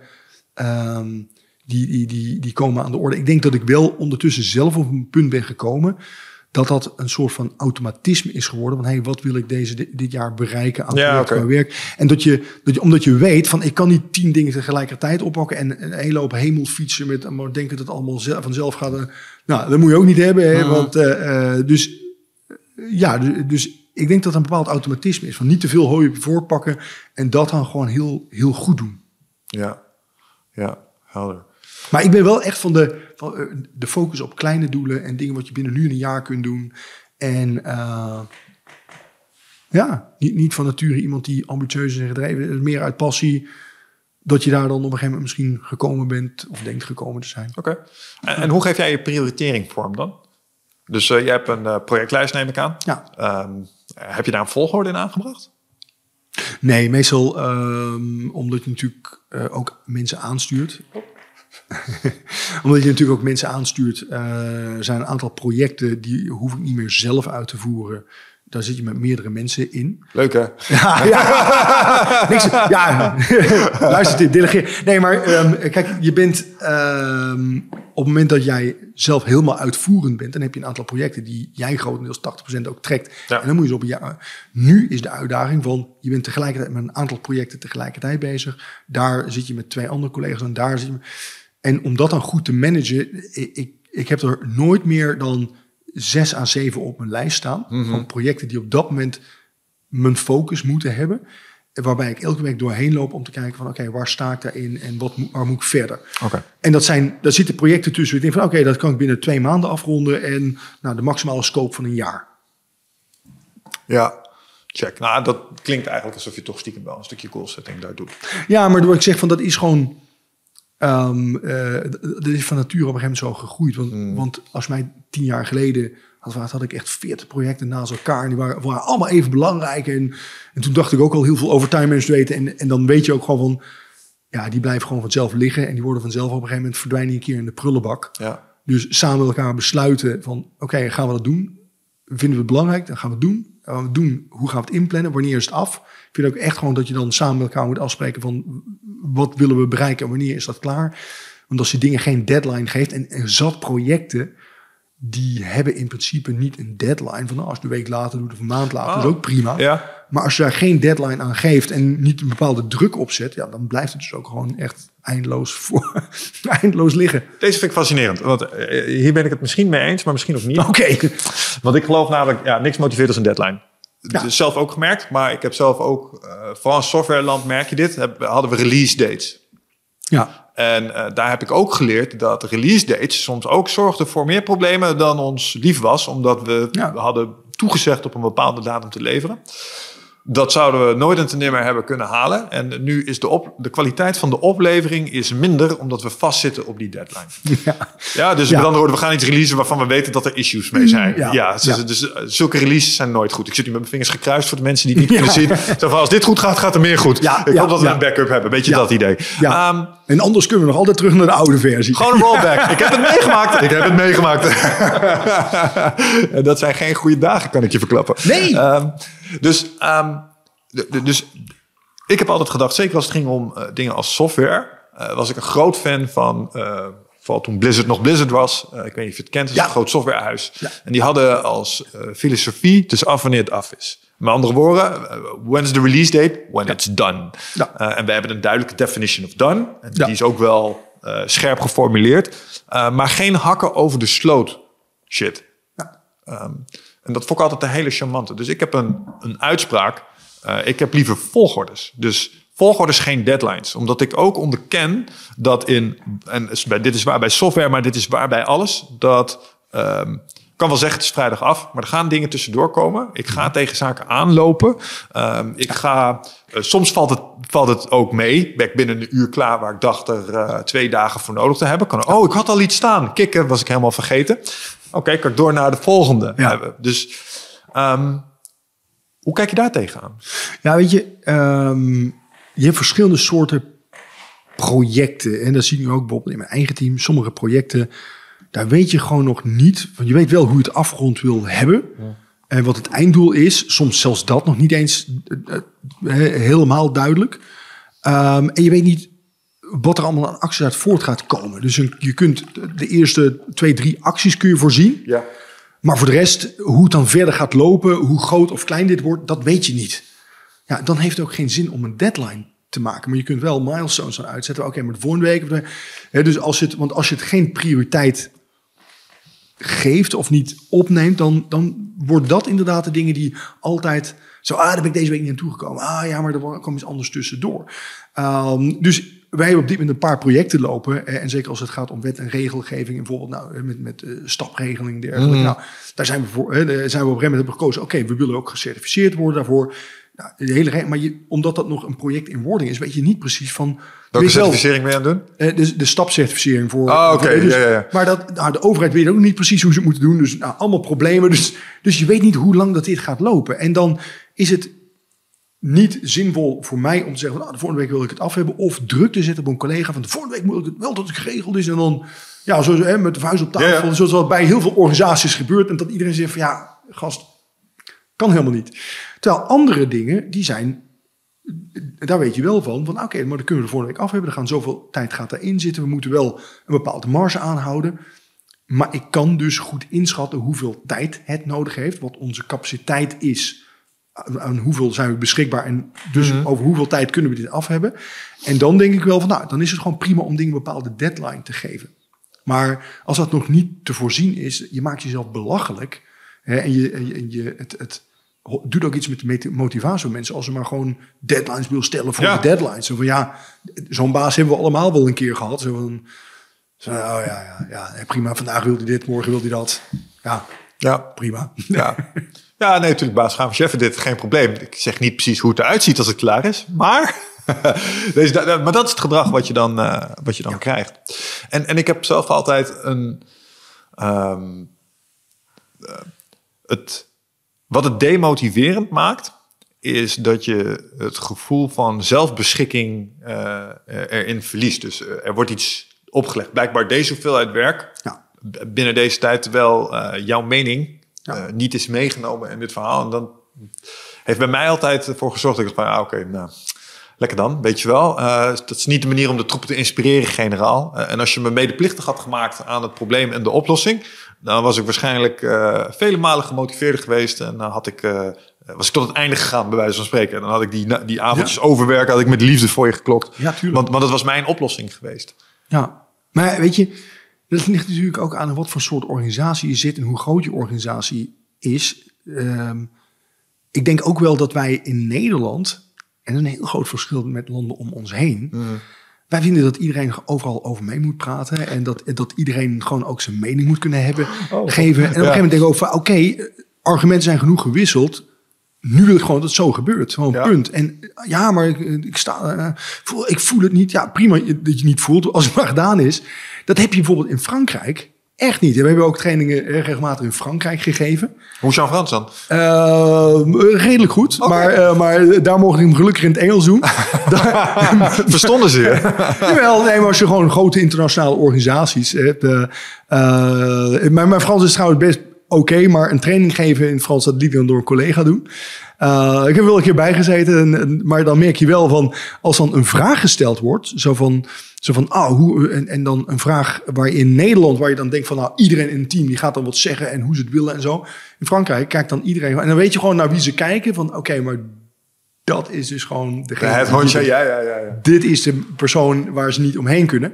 En, en die zegt dan iets. Dat kom je in Nederland, kom je dat alleen maar tegen. Tot nu toe, als ik in het leger, als je daar een training bij Defensie geeft of zo, en, en je, je gooit dan echt iets controversieels op tafel, van dat, dat dan iedereen kijkt gewoon letterlijk naar degene wat de, meeste strepen of de meeste sterren heeft. Zo van, oké, oh, vindt hij het een goed idee? Oh, dan klikken wij ook al. Gewoon zo van, dat is gewoon van, niet van, oh, dat zijn hielenlikkers, maar dat is gewoon van, oh, daar, zit meer hiërarchie in. Ja. En in Nederland is er van, ja, heel erg van, oh ja, maar jij moet wel ook ja, je lekker voelen in je werk. Je moet je gewaardeerd voelen in je werk. En natuurlijk is allemaal belangrijk, maar het moet ook gewoon gedaan worden. Ja.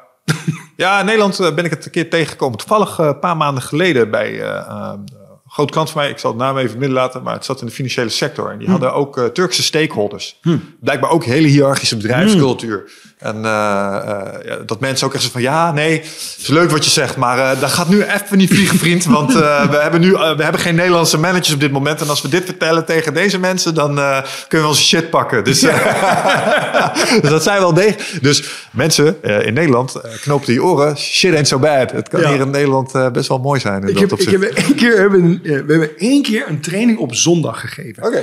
dus sowieso, als mensen bij ons een time management training willen. En dan wordt wel eens de vraag gesteld van kan het op zaterdag? Dan hebben we al zoiets van... Okay. Zeg time management, ja. ja. Ja, laat ik zo zeggen van hey, hoe belangrijk vind je dit als je mensen op zaterdag terug laat komen? Maar één keer op zondag. Dus ik kan me herinneren dat ik die, die trainer ook belde. Want dat was in Antwerpen was het ook nog. Van nou, ja, op zondag. Ja, op zondag. Doe even normaal. Gaat geen training op zondag geven. Maar dat was voor een Indiaas bedrijf. En het was op zondagochtend. En die Indiërs zaten er allemaal. Ja, zo van, uh, en dan eerst even uh, doen we altijd een voorstelrondje. Mm wie ben je? En, en iedereen die begon zo te vertellen zo van hoe blij dat ze waren dat de baas dit geregeld had. Want ze hadden de hele week gewerkt en ze werken ook op zaterdag. Maar dat ze op zondag dan terug konden komen voor een training. Ze van echt zo van, uh, dankjewel. En die waren echt oprecht blij. Dus niet gemaakt blij of zo van, zo van oh ja, de baas ziet dat wij het heel druk hebben. Mm Ik dacht van, denk van, wauw, dan moet je hier in Nederland proberen. Zo'n, ze breken de tent. Ja, ja, ben je gek geworden op zo'n zondag? ben je nog wel lekker? Uh. Ja, ja, ja, dus nee, zeker als het gaat om time management, denk ik dat, uh, dat er ook wel culturele drempels zijn zo af en toe die daar. Uh... Ja, en, en dat, dat er gewoon niet meer iemand is die gewoon zegt van zo gaan we doen. En dat, dat je dan inderdaad te veel. Ja, heb je wel iedereen zijn zegje laten doen en, en is iedereen wel on board? Uh, dat, dat heb je in heel veel landen om ons heen heb je dat niet. Ik, pas op, het is, het is goed, het is een onderdeel van onze cultuur. Het is ook onderdeel van hoe wij opgegroeid zijn. Maar af en toe ja, maar uh, kan ook wat minder. Ja, ik hink daar op twee gedachten, merk ik. Aan de ene kant, de eerste wat ik denk is, oh, lekker zeg. Lijkt me, lijkt me ook wel fijn als dat soort dingen in elkaar zitten. En dat zeg ik als iemand die als teamlead of iemand die verandering in een organisatie teweeg heeft geprobeerd te brengen. Ook al dat stakeholder management. Dat politieke, eh, soms machtspolitieke spel, Ja. maar vermoeiend vindt. Ja. vind, ik- vind ik echt heel lastig. Ik, leer- Kunnen we niet gewoon doen, weet je, goed idee, gewoon proberen. Nee, moet je weer daar draagvlak Ja, creëren, ja, ja. zo. Oh, die mag je niet passeren. En eh, Ja. gewoon allemaal dat soort spelletjes, ja. Maar, maar aan de andere kant denk ik ook wel dat het ervoor zorgt dat als mensen dingen doen, dat ze een bepaalde intrinsieke motivatie hebben die, die, die hoger is. Want wat we er straks ook zeiden, ze zijn degene die, die de oplossing hebben bedacht nu. Eh, en daarmee voelen ze zich ook verantwoordelijker, denk ik. Ja, zeker. En maar je hoort mij ook niet zeggen dat dat alles ineens strak hiërarchisch is. maar Zeer zeker niet. Maar juist, hè, eh, mensen moeten plezier hebben in hun werk. Je wil met mensen werken die het leuk vinden. En natuurlijk, iedereen heeft wel een keer een shitdag. En, hè, en er zijn ook stressperiodes. Tuurlijk. Maar je moet het, het moet op lange termijn wel leuk zijn. Je, je geld verdienen kun je overal. Maar ehm, ik denk wel dat, je, dat er een, een moment moet zijn om na te denken over, eh, over dat soort dingen. En om, om overleg te hebben. Op een gegeven moment is wel van oké, eh, en, en nu hebben we het besluit genomen, nu moet het gebeuren. En niet over alles moet er gediscussieerd worden. En dat was ik, wat ik zelf eh, eh, vroeger in het onderwijs gemerkt heb. Dat we denken van, ging je weer een vergadering en dan stond, was er wel een agenda. En dan, ja, ik wil het toch nog even hebben over wat we de vorige week besloten hebben. Kan dit wachten tot de WVTTK? Oh, nee, niet weer. Hè. Dan werd weer de hele. Oh, ga- ja, de vorige week hebben we besloten om het te gaan doen. En, eh, gaan we het toch niet doen? Oké, we gaan het toch niet doen. Ja, weet je. Nee, Ja. Maar dat. We hebben er nog even over nagedacht Ja. en eh, onderling overlegd. En eh, ja, het voelt toch niet veilig. Ja, ja, ja, het voelt niet veilig. ja, ja. Hè? Ja, ik, ik voelde ik niet in mijn kracht staan. Ja, ja, ik vind dat ook vermoeiend zo af en toe. Maar aan de andere kant, ja, Dus je wil dat wel, je wil dat mensen blij zijn om weer. Je wil juist, maar op een gegeven moment dus ook van, ja, hè, eh, iemand zei van, eh, eh, if, you, if you cannot beat your fear, do it scared. Hè, zo van, van oké, ben je het niet mee eens? Oké, doe, het- doe dan ook toch maar. Ja. Heel, veel, heel veel werk wordt gedaan door mensen die niet gemotiveerd zijn en zich niet in een, die gewoon, ja, dat is ook, dat is niet op lange termijn de leuke oplossing, maar van, oké, niet altijd hoeft dat. Ja, ja nee, eh, zeker. En eh, tegelijkertijd, ik geloof dat wat, je, dat wat je zegt waar is. Namelijk, er is werk genoeg, zeker momenteel. Ja, dus zeker. als je jezelf in een omgeving aantreft waar je denkt... nou, dit is echt inspirerend klote werk in een giftige omgeving... then by all means, Ja, ja. greener pastures. Seek life elsewhere. Ja, precies. Ga je gang. Eh. Maar tegelijkertijd geloof ik ook wel... eh, en dat is een beetje Peterson-esque, Jordan Peterson... Zo van, je hoeft niet te werken. Je, je kan het ook gewoon niet doen. Ja. Snap je? Dan, dan Ja. eet je toch niet. Ehm, en met andere woorden, ja, je bent nou eenmaal in een bestaan geworpen waarbij het nodig is om bepaalde verantwoordelijkheden en plichten te dragen. En eh, ja, eh, Maar- be a man about it. Eh, dus, en, en daarmee bedoelt hij, accepteer je lot en, eh, en draag het. Ja, maar want we, we zitten op dit moment zitten we natuurlijk in een als je werkzoekend bent of je bent werkend en, en je bent, zitten we in een luxe positie. Dat, dat er gewoon een, een tekort is aan, aan mensen. Ehm, dus je kunt heel makkelijk ander werk vinden. Maar vind jij dat een gezonde situatie voor mensen die net op de arbeidsmarkt komen kijken, bijvoorbeeld? Dat je zoveel kunt worden. Dat je zoveel te kiezen hebt, dat je de cherrypicking kunt doen. Mm, Als, als jij. Jijn, ja en Ja, ja, ja, ik vind, het, ik vind het te gek dat er. eh, ehm, dat mensen kunnen kiezen en dingen kunnen doen die ze leuk vinden en waar ze voor gemaakt lijken te zijn. Want ik denk dat dat altijd het recept is voor succes. Sommige mensen hebben predisposities. Ja, dus sommige mensen zijn uitzonderlijk goed in sales. Sommige mensen zijn uitzonderlijk goed in hele complexe technische architecturele dingen aan elkaar knuppen. Sommige mensen zijn fantastisch in, in code schrijven. Ja. Laat die mensen, en dat vinden ze leuk en ze doen niets liever. Laat die mensen alsjeblieft dat soort dingen doen. Want ik denk dat dat voor iedereen gewoon twee extra eh, punten op je geluksperceptie is. Want als iemand die ook dingen heeft gedaan die hij echt niet leuk vond. Ehm, dus dat is één. Ja. Aan de andere kant ehm, is mijn angst wel dat ze. Kijk, als iemand die eh, best wel zijn handjes heeft mogen dichtknijpen met sommige baantjes, deed ik ook wel extra mijn best. Eh, en, en ging er een bepaalde. ehm, ja, je nam het niet voor lief. Daardoor deed je een stapje harder. En het lag ook niet altijd voor het oprapen. Ehm, en daardoor eh, waardeerde je ook wel heel erg wat je er had. En deed je gewoon ook soms wat er gezegd wordt. Gewoon, Ja. Soms moet je even luisteren. ja. En, en mijn angst is misschien dat jonge medewerkers er een beetje verwend door worden en misschien een stukje, maar nu ga ik als een oude man klinken, Eh, daar een stukje grit eh, door kwijtraken. Want ik heb echt klotenbaantjes gehad, man. Ik heb in de vleesverwerkende industrie verwerkt. Ik heb, ben vuilnisman geweest en dan moesten we de Finex-wijken in Deventer doen. En dat was groene containerdag, was luie dag. En dat was niet leuk kakje verklappen, want ja. er staat eronder.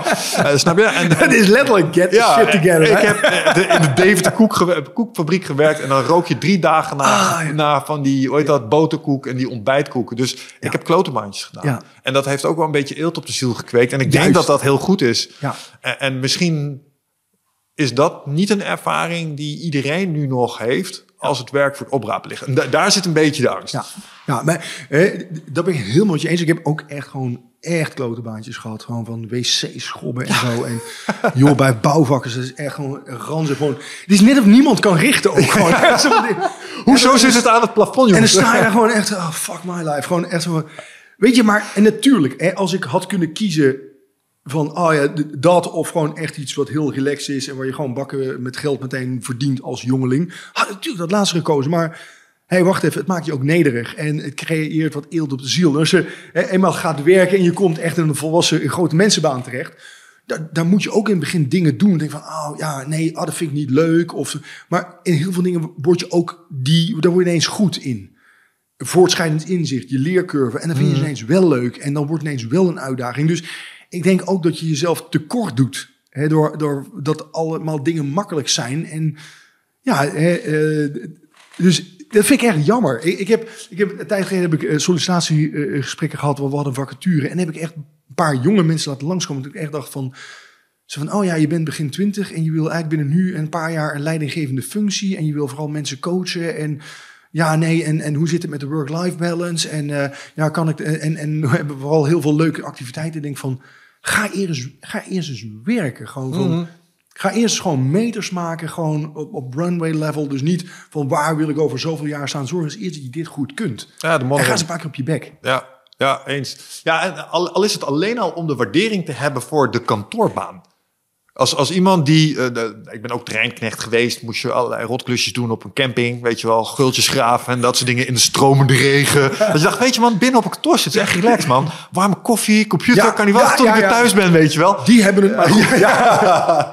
En- En dat leer je waarderen op die manier. Dus, dus ik denk dat het een, een goed idee is om eh, vroeg in je carrière eh, ook heel veel verschillende dingen te proberen. Maar ook dingen die gewoon echt even heel ellendig zijn. Al is het alleen maar om de waardering later te hebben voor, Ja. voor het werk wat je uiteindelijk gaat doen misschien. Ja, ja, maar eh, dus dat ligt de dingen eh, op je bek gaan, gewoon fouten maken, daarvan leren.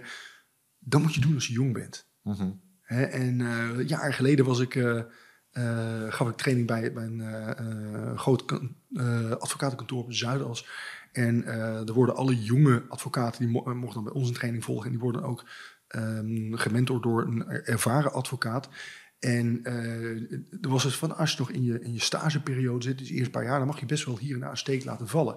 Maar daarna, dan moet je wel gewoon ook, eh, dit is je moment waar je dus daarmee kunt experimenteren. Daarna moet je er zijn, dan moet je er staan, dan moet je echt die dingen kunnen, dan moet je het goed georganiseerd hebben. En je moet goed uitvoeren. Je mag best een keer nee zeggen, want dat vergeten ze gewoon weer. Als jij als een partner jou vraagt van, nou kun je dat dan doen? Dan zeggen we, ah nee, nee, dat gaat echt niet lukken. Dan, zoek, dan is hij wel boos op dat moment, maar dan zoekt hij een andere gek. Maar ga je een fout maken, dat, dat achtervolgt je hier voor de rest van je carrière. Ja. Dat kan echt gewoon een career-ending ding zijn. Gewoon van, dus hè, zorg dat je leert op het moment dat je in, in die beginperiode, want daar is het voor. Ik, vond sowieso, ik vind sowieso de advocatuur een hele fijne relativerende branche. Ja, hoezo? Ja, nou, eh, ik weet niet of je weet hoe ze daar rekenen. Die gasten die rekenen per zes minuten. Mhm. Dus eh, als eh, mijn wingman, mijn accountability body, is een advocaat. Ik heb dit vaak verteld. Maar die gasten die, die rekenen per zes minuten. Dus als die even op zit te poepen en zijn mail het doen, is hij gewoon productief. Maar als hij gewoon een kwartier aan het lanterfant is, dan, dan voelt hij dat ook. Want zijn zes minuten is best wat Ja. waard. Ja. Ehm, dus eh, als je ergens een doelgroep hebt die bewust is van zijn time management, Ja. dan denk ik het wel dat het advocaten zijn. Ja, zeker. Eh, Als je het hebt over waar je het in het begin over had, tijd is geld. Als één categorie dat voelt, is dat denk ik wel die. Ja, het is, een- weet je, ehm, het is een categorie waar, eh, het is een sector waar ik heel graag kom. Eh, dat heb ik, eh, trouwens zie ik dat ook bijvoorbeeld bij accountants en dergelijke. Gewoon van, in, in die, die, dat, he- dat heeft, die hebben best wel een bepaalde overlap met elkaar. Ik hou heel erg van die sector, want daar ligt de lat net wat hoger. Ja. En, eh, en normaal gesproken is het van, eh, tijd, eh, bij veel sectoren zie ik dan toch van de tijd is op voordat de energie op is. En bij advocaten is de tijd nooit op. Die gaan gewoon door. En ik zeg niet dat dat goed is, maar ik vind dat wel inspirerend. Ja, En, en zeker als je bij de grotere kantoor komt, daar heerst ook toch wel die sfeer van, van ja, niet iedereen die gaat het hier redden. En pas op, er kan best wel echt een toxic work environment zijn. Eh, er zitten ook kantoren tussen van, oh ja, daar zou ik, nou, zou, vind ik niet simpel, hier zou niet willen werken. Maar genoeg tussen denk ik van, ah, dat vraagt wel echt gewoon echt wat van je. Ja, maar ja, ik vind het. Ja, klopt. Eh, want ik kijk ook, ik krijg daarmee ook wel een kijkje in die adv- advocatenwereld en hoe ze denken. En Ja. ja, ja nou ja, eh, laten we wel wezen. Kijk, als het je doel is om gewoon echt goed te verdienen als ondernemer en eh, op je eigen en een eigen kantoor neer te zetten, dan is het echt. Dus als je die dingen allemaal voor elkaar wil krijgen, is het absoluut een, is het een pad dat je kunt volgen. Maar je zult echt bepalen, dat is niet voor iedereen. Je moet uit een bepaald hout zijn gesneden. Ja. En net wat je zegt, dat valt me daar wel op. De lat ligt echt hoog. Want, maar dat komt ook door de aard van het werk natuurlijk. Het is eh, niet helemaal eerlijk om het zo te vergelijken. Maar het is hetzelfde als met brandweer, ambulance en politie. Ehm, als er iets aan de hand is, dan moeten ze. En voor advocaten is het eh, iets minder urgent dat ze in hetzelfde uur iets moeten doen. Maar soms gaat dat over dagen. B- b- Volgens met media. Oh, er komt eh, volgende week iets op tv. Nou, dan moeten we nu wel schakelen. Dus het moet nu ook wel af dat stuk. Want anders kunnen we geen. Dus er Ja. zit altijd een hele korte runway qua time squeeze op. Ja. Ja, en dan moet je wel voor gebouwd zijn. Aan de andere kant, als je het goed voor elkaar, eh, als je het kan en je de chef dat, dan liggen er ook wel beloningen aan de achterkant van die rechtboog. Ja, maar dat is wel. ehm, kijk, op het moment dat jij echt wil doorgroeien en je wil eh, nou, echt zo'n advocaat worden die gewoon een toptarief kan, eh, kan vragen, niet iedereen redt dat. Hè? En, en dat is wel wat mensen Precies. zien. Zo van, oh, wat, wat je krijgt aan het einde, maar niet hoeveel zijn er gesneuveld onderweg en wat heeft die persoon gekost. Ja. Ja, maar ik was een, een paar jaar geleden was ik in de, in de zomer bij een, eh, bij een advocatenkantoor. En er was een van de advocaten, en, en die is later partner geworden bij een grote firma. Ik, zo, ik sprak met hem en, en die zei van, eh, van ja, nu is het een beetje komkommertijd. En we, eh, en, en, we hadden het dus over, hij had een training gevolgd, maar wilde dan echt gewoon persoonlijk gekozen worden om alles in te richten. Ik zeg, oh, komkommertijd. Nou, leg eens uit. Ja, we hebben een, een grote merger in eh, september en eentje in oktober. Maar nu, en dat was in juli of zo, al wel mee. En toen, eh, oké, prima, maar ehm, wat moet er dan allemaal gebeuren? En hij was op dat moment, eh, was hij nog gewoon associate, dus hij hoefde niet het zware, maar wel gewoon allemaal de, de, ja, het, het, het, het bulkwerk doen. En toen ging ik met hem kijken en zei, oké, maar prima. Als je dan die merger, dan gaan we eens even terugtellen. En het bleek eigenlijk toen hij ging kijken van wat zijn allemaal de activiteiten daar, die daarvoor moeten gebeuren op dat laatste moment. Want dat is bij hun dan altijd op het laatste moment, oh, dan moet alles Ja, ja. samenkomen en onder druk wordt alles vloeibaar. En toen gingen we terugtellen en was het van, ja, wacht even, maar heel veel dingen die daar dadelijk op het laatste moment moeten komen, eh, moeten gebeuren, die zou je nu echt al gewoon kunnen doen, kunnen afhandelen, waardoor het daar niet ineens van, van en dus ze gaan er ook wel prat op, zo van, oh, we laten alles bij elkaar komen en dan ineens van, oh, moet je eens kijken hoe die knalt en daar ervaren ze, daar, daar, dat, dat, ja, daar, daar- zit ook soms een beetje status in. Denk van, oh, wacht even, maar dit kan ook wel echt slimmer. Ja, en het is ook wel kicken. Het is ook wel kicken, maar als je dat constant doet... en ik heb ook met een aantal kantoren gehad... waar ze op een gegeven moment toch dachten... ja, we moeten echt wat gaan doen. Want zeker in deze markt, mensen gaan je toch lopen. Ja. En waar een aantal jaar geleden was van... oh, je komt bij een kantoor, die betalen je opleiding... je gaat niet zomaar lopen... is dat nu niet meer zo. Nee, sure. Waar een paar jaar geleden niet kon zeggen als... oh, ik heb een burn-out... dat kan nou wel. Dus je zult er toch anders mee om moeten gaan. Ja, eens. Ja, nou, wij hadden bij, eh, in IT-land hadden we altijd aanbestedingen. Eh, Die hadden ja. een soort gelijk karakter. Dat Ja. was ook een hele strakke deadline. Ik Ja. heb wel eens met nog een uur op de klok ben ik ergens heen gescheurd. Zo van, we moeten de weg inleveren. Ja, ja, ja. Eh, en ja ik, ik snap het ergens ook wel. Dus sommige mensen kiezen ook heel bewust voor zo'n dynamische job. Omdat dat, ja, het heeft ook wel iets...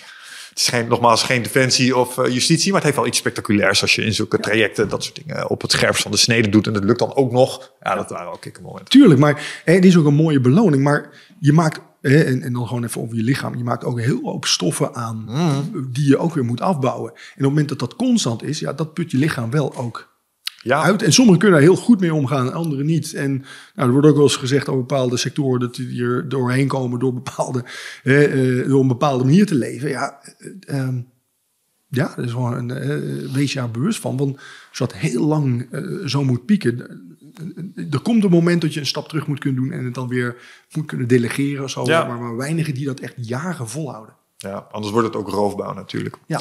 Ja. Oké, Ehm, in dat kader, want je had het net over, eh doet ook iets met hormonen.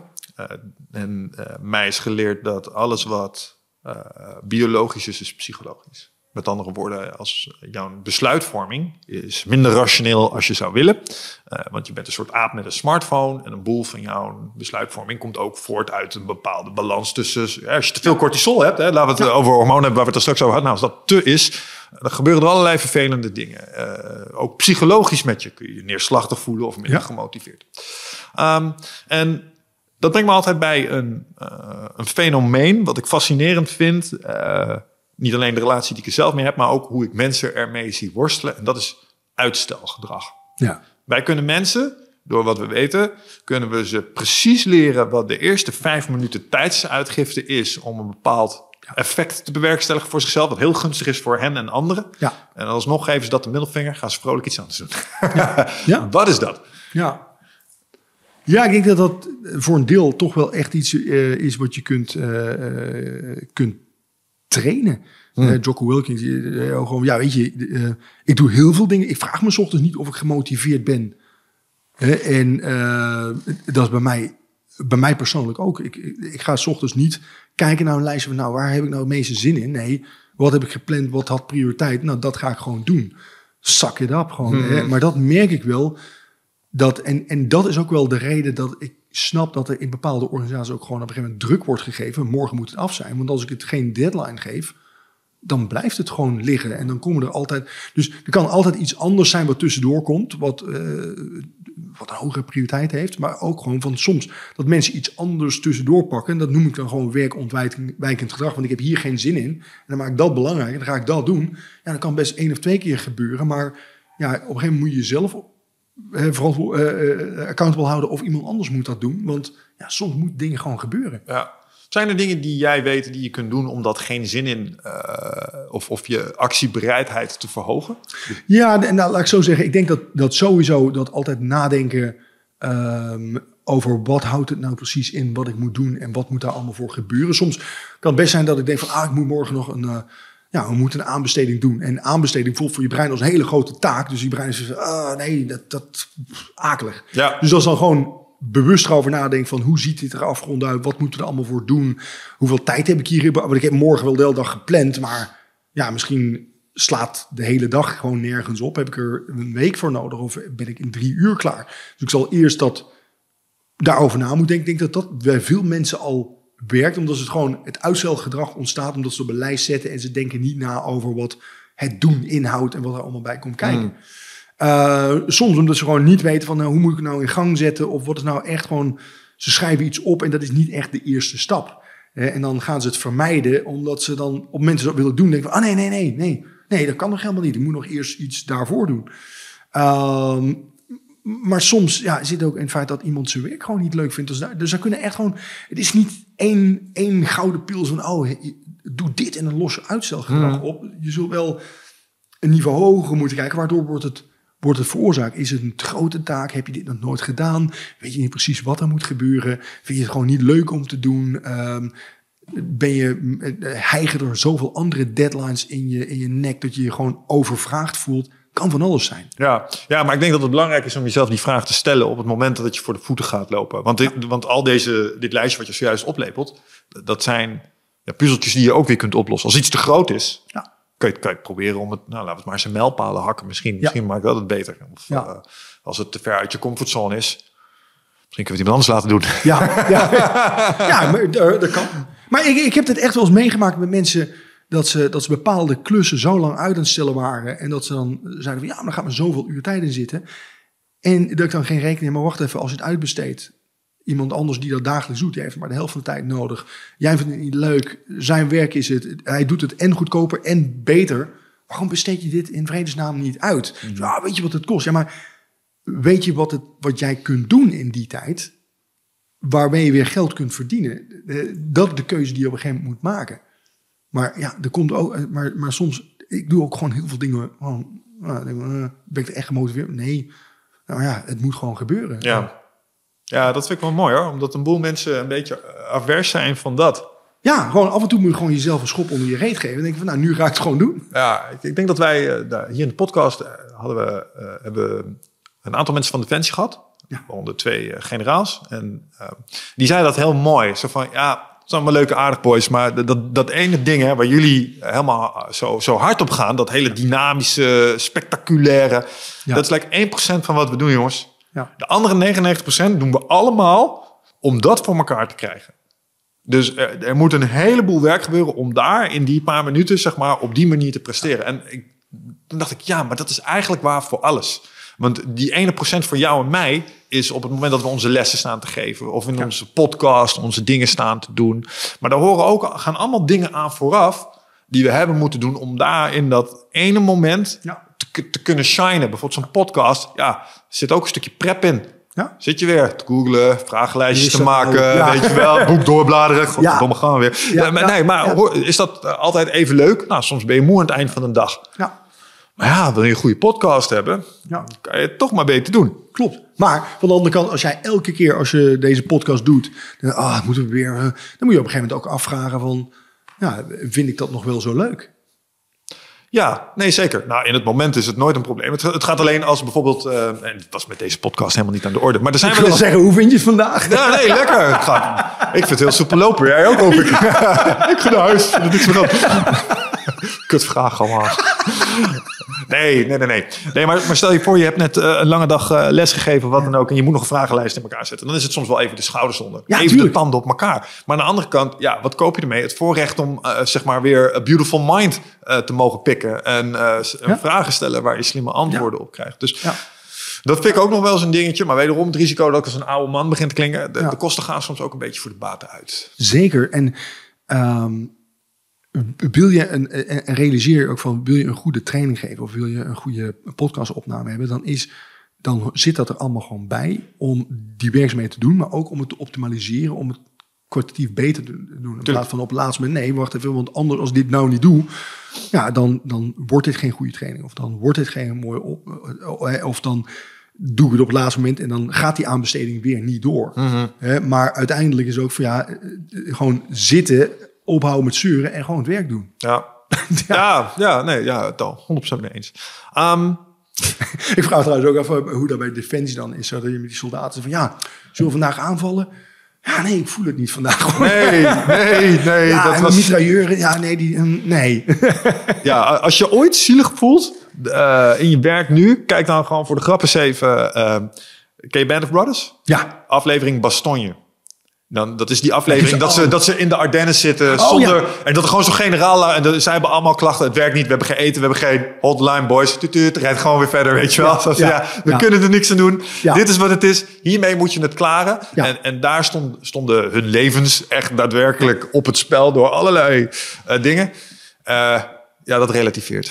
ja, zeker. ja, ja. Als je, als je naar je e-mail-inbox zit te kijken en denkt... oh, het zijn er wel echt heel veel. Ja, dat snap ik. Maar Ja, weet je, je hebt ook een moment gehad, ik bedoel, hè, dat, ehm, ik kan me nog herinneren dat we echt jaren geleden, dat we, dat we waren echt veel kleiner dan we nu waren, dat we echt zo van, oh, wat, wat zou het fijn zijn als we hè, gewoon heel veel aanvraag kregen en heel veel trainingen hebben staan, zo, en dan is het er. En dan van, ja, wacht even, maar daar heb je, hè, eh, daar heb je vroeger van gedroomd. Hè, dat, dat je, eh, dus, en, en heel veel mensen in een functie, je groeit elk jaar, je... ehm, eh, je misschien groei je in salaris, misschien groei je in verantwoordelijkheid, maar je groeit sowieso in routine. En dan word je op een gegeven moment degene die alles weet. En dan komen collega's ook bij jou. Ja, daar heb je ook heel veel in geïnvesteerd. Ja. Je wordt slachtoffer van je eigen succes. Ja, ja in, in dat opzicht careful what you wish for. Ehm, ik, ik moet dan altijd eh, denken aan eh, iets wat eh, Martijn de Jong, dat was mijn, hoe heet dat, sensei. En dan mocht je soms, als je wedstrijden wilde doen, dan mocht je meedraaien met de selectie. Dat was dan op zondag. Dus die gast vond het wel leuk om op zondag lekker fanatiek Ja, te doen. Ehm, maar dan, de- soms was het ook wel spannend, intimiderend en zwaar. Eh, en, en dat was dan duidelijk. En dan, dan werd er niet tegen geschreeuwd. Dan werd er gewoon een hele simpele vraag aan je gesteld. Namelijk, wie wou de ringen? Ja. Ja, oké. Weet je wel? Ja, je wou het toch? Je wou het toch? Dus er, er hoort ook een bepaalde effort bij. Sommige dingen die je ten doel stelt. En ja, gaat, alles wat de moeite waard was, gebeurde nooit vanzelf. Dus ja. Ja. ik vind het mooi wat je zegt. Gewoon schouders eronder. En ik denk Ja. dat dat iets is wat we belangrijk moeten blijven vinden als eh, professionals. Heb je de film ooit eh, Road Trip gezien? Ja? Ja, dan heb je toch op een gegeven moment die scène van, van die jonge gast... wat dan met die, met die opa op dat terras zit. Uh, S'avonds uh, ergens midden in... Uh, zijn ze ergens moeten stoppen omdat ze pech hebben met die bus.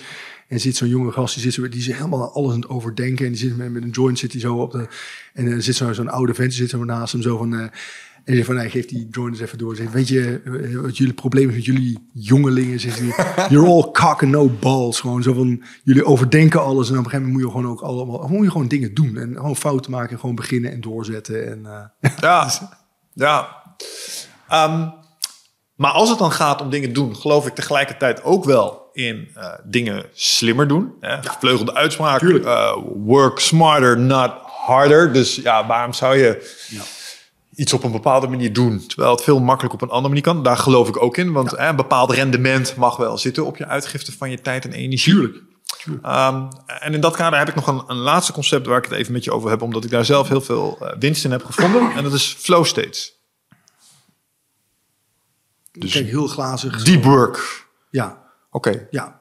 Oké, okay, ik dacht van flow state uh, als flowchart, maar nee, nee, nee, deep work, nee, ja. ja, deep work. Ja. Um, is dat iets wat je uh, mensen in je trainingen ook bijbrengt? Um, ik probeer ze wel echt bewust te maken van concentratie en Ja. wat het effect is van interrupties op je concentratie. Concentratie bouw je op. Eh, En, en Mihaly geeft aan van nou, eh, het duurt zo lang om in flow te komen. eh, En je kunt er maar maximaal zo lang in zitten. Dus eh, die diepe vorm van concentratie. Maar op het moment dat je gestoord wordt door jezelf of door een ander. En je bent er even uit, dan duurt het weer een bepaalde hoeveelheid tijd om er terug in te komen. Ja. Uh, ik probeer mensen daar wel echt heel bewust van te maken. Want als jij een klus hebt van een uur, dan, dan moet je, eh, denk dan ook na. Want wanneer doe ik dit op de rustmoment op kantoor? Ga ik apart zitten? Doe ik dit thuis? Want op het moment dat je gedurende dat uur vijf, zes keer gestoord wordt, ja, dan weet je ook aan het einde van het uur, dan is dat werk niet af. Of als het wel af is, is de, de kwaliteit waardeloos, zit nog fout in, of alle twee. Het is niet af en wat er al staat, dat is niet echt eh, bij goed. Dus je probeert mensen bewust te maken van, van niet eh, van oh, de hele psychologie, maar van hey, herken je het? Dat als jij bijvoorbeeld dus zo'n aanbesteding moet doen, wat trouwens niet heel, want mensen denken altijd bij dat ze dan het vooral om creatieve dingen gaan doen, maar het kan net zo Nee, goed een ja, aanbesteding zijn. Als jij twee uur nodig hebt voor een aanbesteding en die moet vandaag af zijn, wat doe je dan? Ja, nou, dan ga ik hem thuis doen, want dan mag echt niet gestoord worden. Oké, prima, maar als hij over twee weken af moet zijn en je wilt het vandaag doen, ja, nee, dan kan ik dat gewoon op kantoor doen. Ja, en wat gebeurt dan op kantoor? Ja, dan komen collega's binnen, eh, klanten bellen, mailtjes. En dan weten we gewoon hoe het gaat. Aan het einde van de ochtend is hij toch niet helemaal af. Je staat dat allemaal toe. En dan vervolgens weet je, oh ja, maar dit is nog echt niet goed. Dit moet ik nog een keer gaan doen. Maar dat is wel dus het probleem. Wat, dat, eh, van, niet, van het gaat niet om het creatieve. van- Maar jij herkent dat als jij echt ergens even je hoofd bij moet houden... en je wordt gestoord, dan is het werk niet af. De kwaliteit is slecht en meestal een combinatie van beide. Dus dan kost je twee, drie keer zoveel tijd. En dan kan ik me voorstellen, als jij daar zit en denkt... ja, dan kan ik weer aan beginnen, maar komt dadelijk weer die en die en die... dat dat ook niet motiveert om ermee aan de slag te gaan. Maar daar heb je zelf ook deels invloed in. Ja, daarom is de beste time management hack die ik mensen kan geven die bij grote bedrijven werken. Ga eens één verdieping lager zitten. Ga gewoon. Daar- één tip die ik ooit een keer kreeg van iemand zo van. Als ik me, zo ik vroeg dat van, nou, wat is die beste timing tip? Dat is vaak een van de dingen die ik vraag aan het begin van het trainen. Iemand zei van, als ik echt iets moet doen wat me goed op me concentreert, dan verstop ik me ergens in het gebouw. Ik zeg, Bang. Ja. ik zeg joh, wat je dat? Ja, zegt hij, en dat was bij een grote verzekering. Dan ga ik gewoon ergens op een afdeling zitten waar ik niemand ken. En dan zit ik daar wel, maar dan hoor ik allemaal dingen. Maar dat interesseert me echt gewoon helemaal niks. Ik hoef er niks mee. Ze kennen me niet. Eh, Af en toe kijkt iemand zo van, hé, wat doet die hier zo? Maar en dan kan ik gewoon, heb ik geen noise cancelling headset nodig of Ja. wat dan ook. Het interesseert me allemaal niks. Ik kan gewoon helemaal gewoon, hè, gewoon me helemaal concentreren. Dood aan open kantoren. Ja, vreselijk. Ik bedoel, wie dat ooit bedacht heeft, special place in hell. Gewoon voor die. Ja, ja, ja, ja. En we gaan er gewoon allemaal weer terug aan. Hè. Ik had zo gehoopt dat iedereen gedurende de COVID-pandemie zag van... hé hey man, dat thuiswerken, zo af en toe niet gestoord worden... dat doet het echt fantastisch. Dit moeten we altijd willen vanaf nu. Ja, maar ik, ik, heb dus echt, ik heb dus echt bij een grote klant gehad pas geleden. Eh dat was een, een, een grote fabriek. En eh, het werk moest natuurlijk wel gewoon in de fabriek gebeuren. Maar al het kantoorwerk, al het kantoorpersoneel moest thuiswerken. Die hebben dat twee jaar gedaan. En op een gegeven moment werd het gewoon vanuit de holding... Dus, een heel groot, ik ga geen naam noemen, een heel groot bedrijf... voor echt 10.000 mensen werken. werd gewoon gezegd van nee, het werk vindt plaats op de plek waar de productie plaatsvindt. Iedereen moet terug naar kantoor Ja. komen. Iedereen volledig over de zeik. Ja. Wa- ja, waarom? Waarom is die aanwezigheid zo belangrijk en denken we dat dat überhaupt wat te maken heeft met, ja, met productiviteit? Ja, het enige wat ik kan bedenken is dat als leidinggevenden dat echt gaan verlangen, is of een soort van gedeelde smart, zo van ik zit hier te leiden, dus jij kunt ook leiden. Zo van terug, ik zit hier dat is niet leuk. Ja. ja of het is gebrek aan vertrouwen. Dat, dat zijn de enige twee conclusies die ik kan trekken Ja. als ik daarover nadenk. Ik heb geen andere opties gevonden. nog. Nou, ik, ik, ik- dat- misschien dat ik er nog een derde aan toe kan voegen. Ik heb het echt wel eens meegemaakt. Met, want op het moment dat je op afstand moet gaan sturen, dan, als, als leidinggever, dan, dan moet je ook gewoon echt meer op output gaan sturen. en, en de grote lijnen in de gaten houden. Het, het vraagt van jou een hele andere rol. En ik heb wel eens bij leidinggevenden echt het vermoeden gehad dat bepaalde mensen, dat, die, dat, dat, dat dat team zo goed functioneerde, dat zich sommige mensen afvroegen van, en waar hebben we hem eigenlijk voor? Zo van, Ja. zo van, van, en en dat, dat ze dus ook status ontlenen aan het feit dat die mensen om hen heen zitten. En dat ze af en toe zeggen, hey, hoe staat het met het project? En hoe heb je daar aan gedacht? Zo van, van, maar dat, ja, dat, dat soms dat die persoon dan ook gaat denken van, ja, wacht even. Als ik dat niet meer doe, wat moet ik dan wel gaan doen? ja. Oké. ben Zo- nog wel zo'n... Stel, stel je luistert naar dit verhaal en je denkt, kut, dat ben ik. en je vraagt je af, ja, waarom houden ze mij eigenlijk aan? Ja. Nou, dan is het antwoord scapegoat. Als er iets misgaat, hebben ze iemand nodig om op te knuppen. En dat ben jij. Ja, nou ja, goed. En ik heb, ik heb het echt wel een keer meegemaakt met iemand die echt zo'n zei aan het einde van onze training. Was een manager en, en zijn tip was, ik- aan het begin was van, ik doe altijd management by walking around. En kwam, hij kwam er in de Lovendag achter van, ik hou eigenlijk gewoon de hele dag mensen van hun werk. En toen, en, en, en het leuke was, we zijn daarnaast nog in company gaan doen, maar die, die zei van, nee, maar daar ben ik echt achter gekomen. En gewoon echt een stukje vertrouwen geven. En er zijn zat andere dingen die ik kan doen, want hij, ook hij had een projectlijst met allemaal dingen waar hij maar niet aan toe kwam. En dacht op een gegeven moment, ja, wacht even, laat die mensen het zelf doen. En geef ze dat vertrouwen en ga ik gewoon die dingen doen waar ik maar niet aan toe kom. Ja. mijn werk ook gewoon leuk maakt. Want ze doen, ik ga er echt niet vanuit dat mensen een beetje zo ergens zitten en denken van, nou, en hopelijk komen ze niet achter dat ik eigenlijk gewoon hier voor spek en bonen zit. Echt niet. Nou, tegelijkertijd, het is ook wel... eh, want eh, ik heb me daar ook schuldig aan gemaakt. Maar het is ook wel het voorbeeld wat ik heb gehad. En eh, het ligt ook een beetje aan de intentie. Want eh, ik heb ook leidinggevende gehad. En dan zat je op kantoor. En dan wist je de baas. Dat was Christian Mast. Dat is echt een van de leukste leidinggevenden waar ik ooit voor heb gewerkt. En die zat dan in de auto. En dan eh, ging de telefoon achter je. En dat was Chris. Die belde dan even naar een van je teamleden. En dan eh, ging de tweede telefoon. Dat was iemand zat in de andere kant. was Chris. En die belde even naar de teamleden. Weet je. En dan ging je eigen telefoon. Dat was Chris. Die belde even, even, even zijn rondje langs de velden. Ja. Maar, maar, maar eh, hoe gaat het? Hoe lopen de projecten? En, en ik snap dat dat eh, Ja. Vanuit een stukje eh, projectmanagement was. Maar tegelijkertijd, hij had ook wel de, de kunst om je eh, het gevoel te geven dat hij even een stukje persoonlijke aandacht voor je had. Ondanks tuurlijk. dat je hem net vijf andere teamgenoten had zien bellen. Ja, tuurlijk. En, maar dat is ook belangrijk, want je wilt gezien worden. Maar van de andere kant, ik kan me ook voorstellen, als jij daar dan zat en je was dan bijvoorbeeld iets aan het doen en, en, en dan hoorde je... En, dan Zeker, oh, ja, ja. Wacht, even snel dit afmaken, want ja, dadelijk ben ik aan de beurt. Sterker nog, zodra hij dan had opgehangen, even ingrijpen. Hey, ik hoorde dat Chris dit nog zei. Eh, by the way, de status is dit. ik kan hem mailen nu. ja. Ja, Ja, leuk om te zien. All right. Hey, ehm, Björn, ik heb het gevoel dat eh, als we nog twee uur uittrekken, dan eh, kunnen we hier nog tot het oneindige over Denk. Ik denk het ook. Dat hartstikke leuk, maar we naderen inmiddels eh, al wel eh, de twee uur. Zo, Dus, oké. eh, ja, time flies when you're having fun. Precies. Dat is ook een voordeel van in flow zitten. Dat eh, de tijdsbesef verandert echt volledig. Ja, inderdaad. Maar ik had er even last van net, dus dat is mooi. Ehm, ja, ik wil je sowieso bedanken hier eh, voor, voor je tijd en energie. Dus eh, dat je hier naartoe bent gekomen om ons eens even te vertellen over hoe jij eh, tegen time management aankijkt.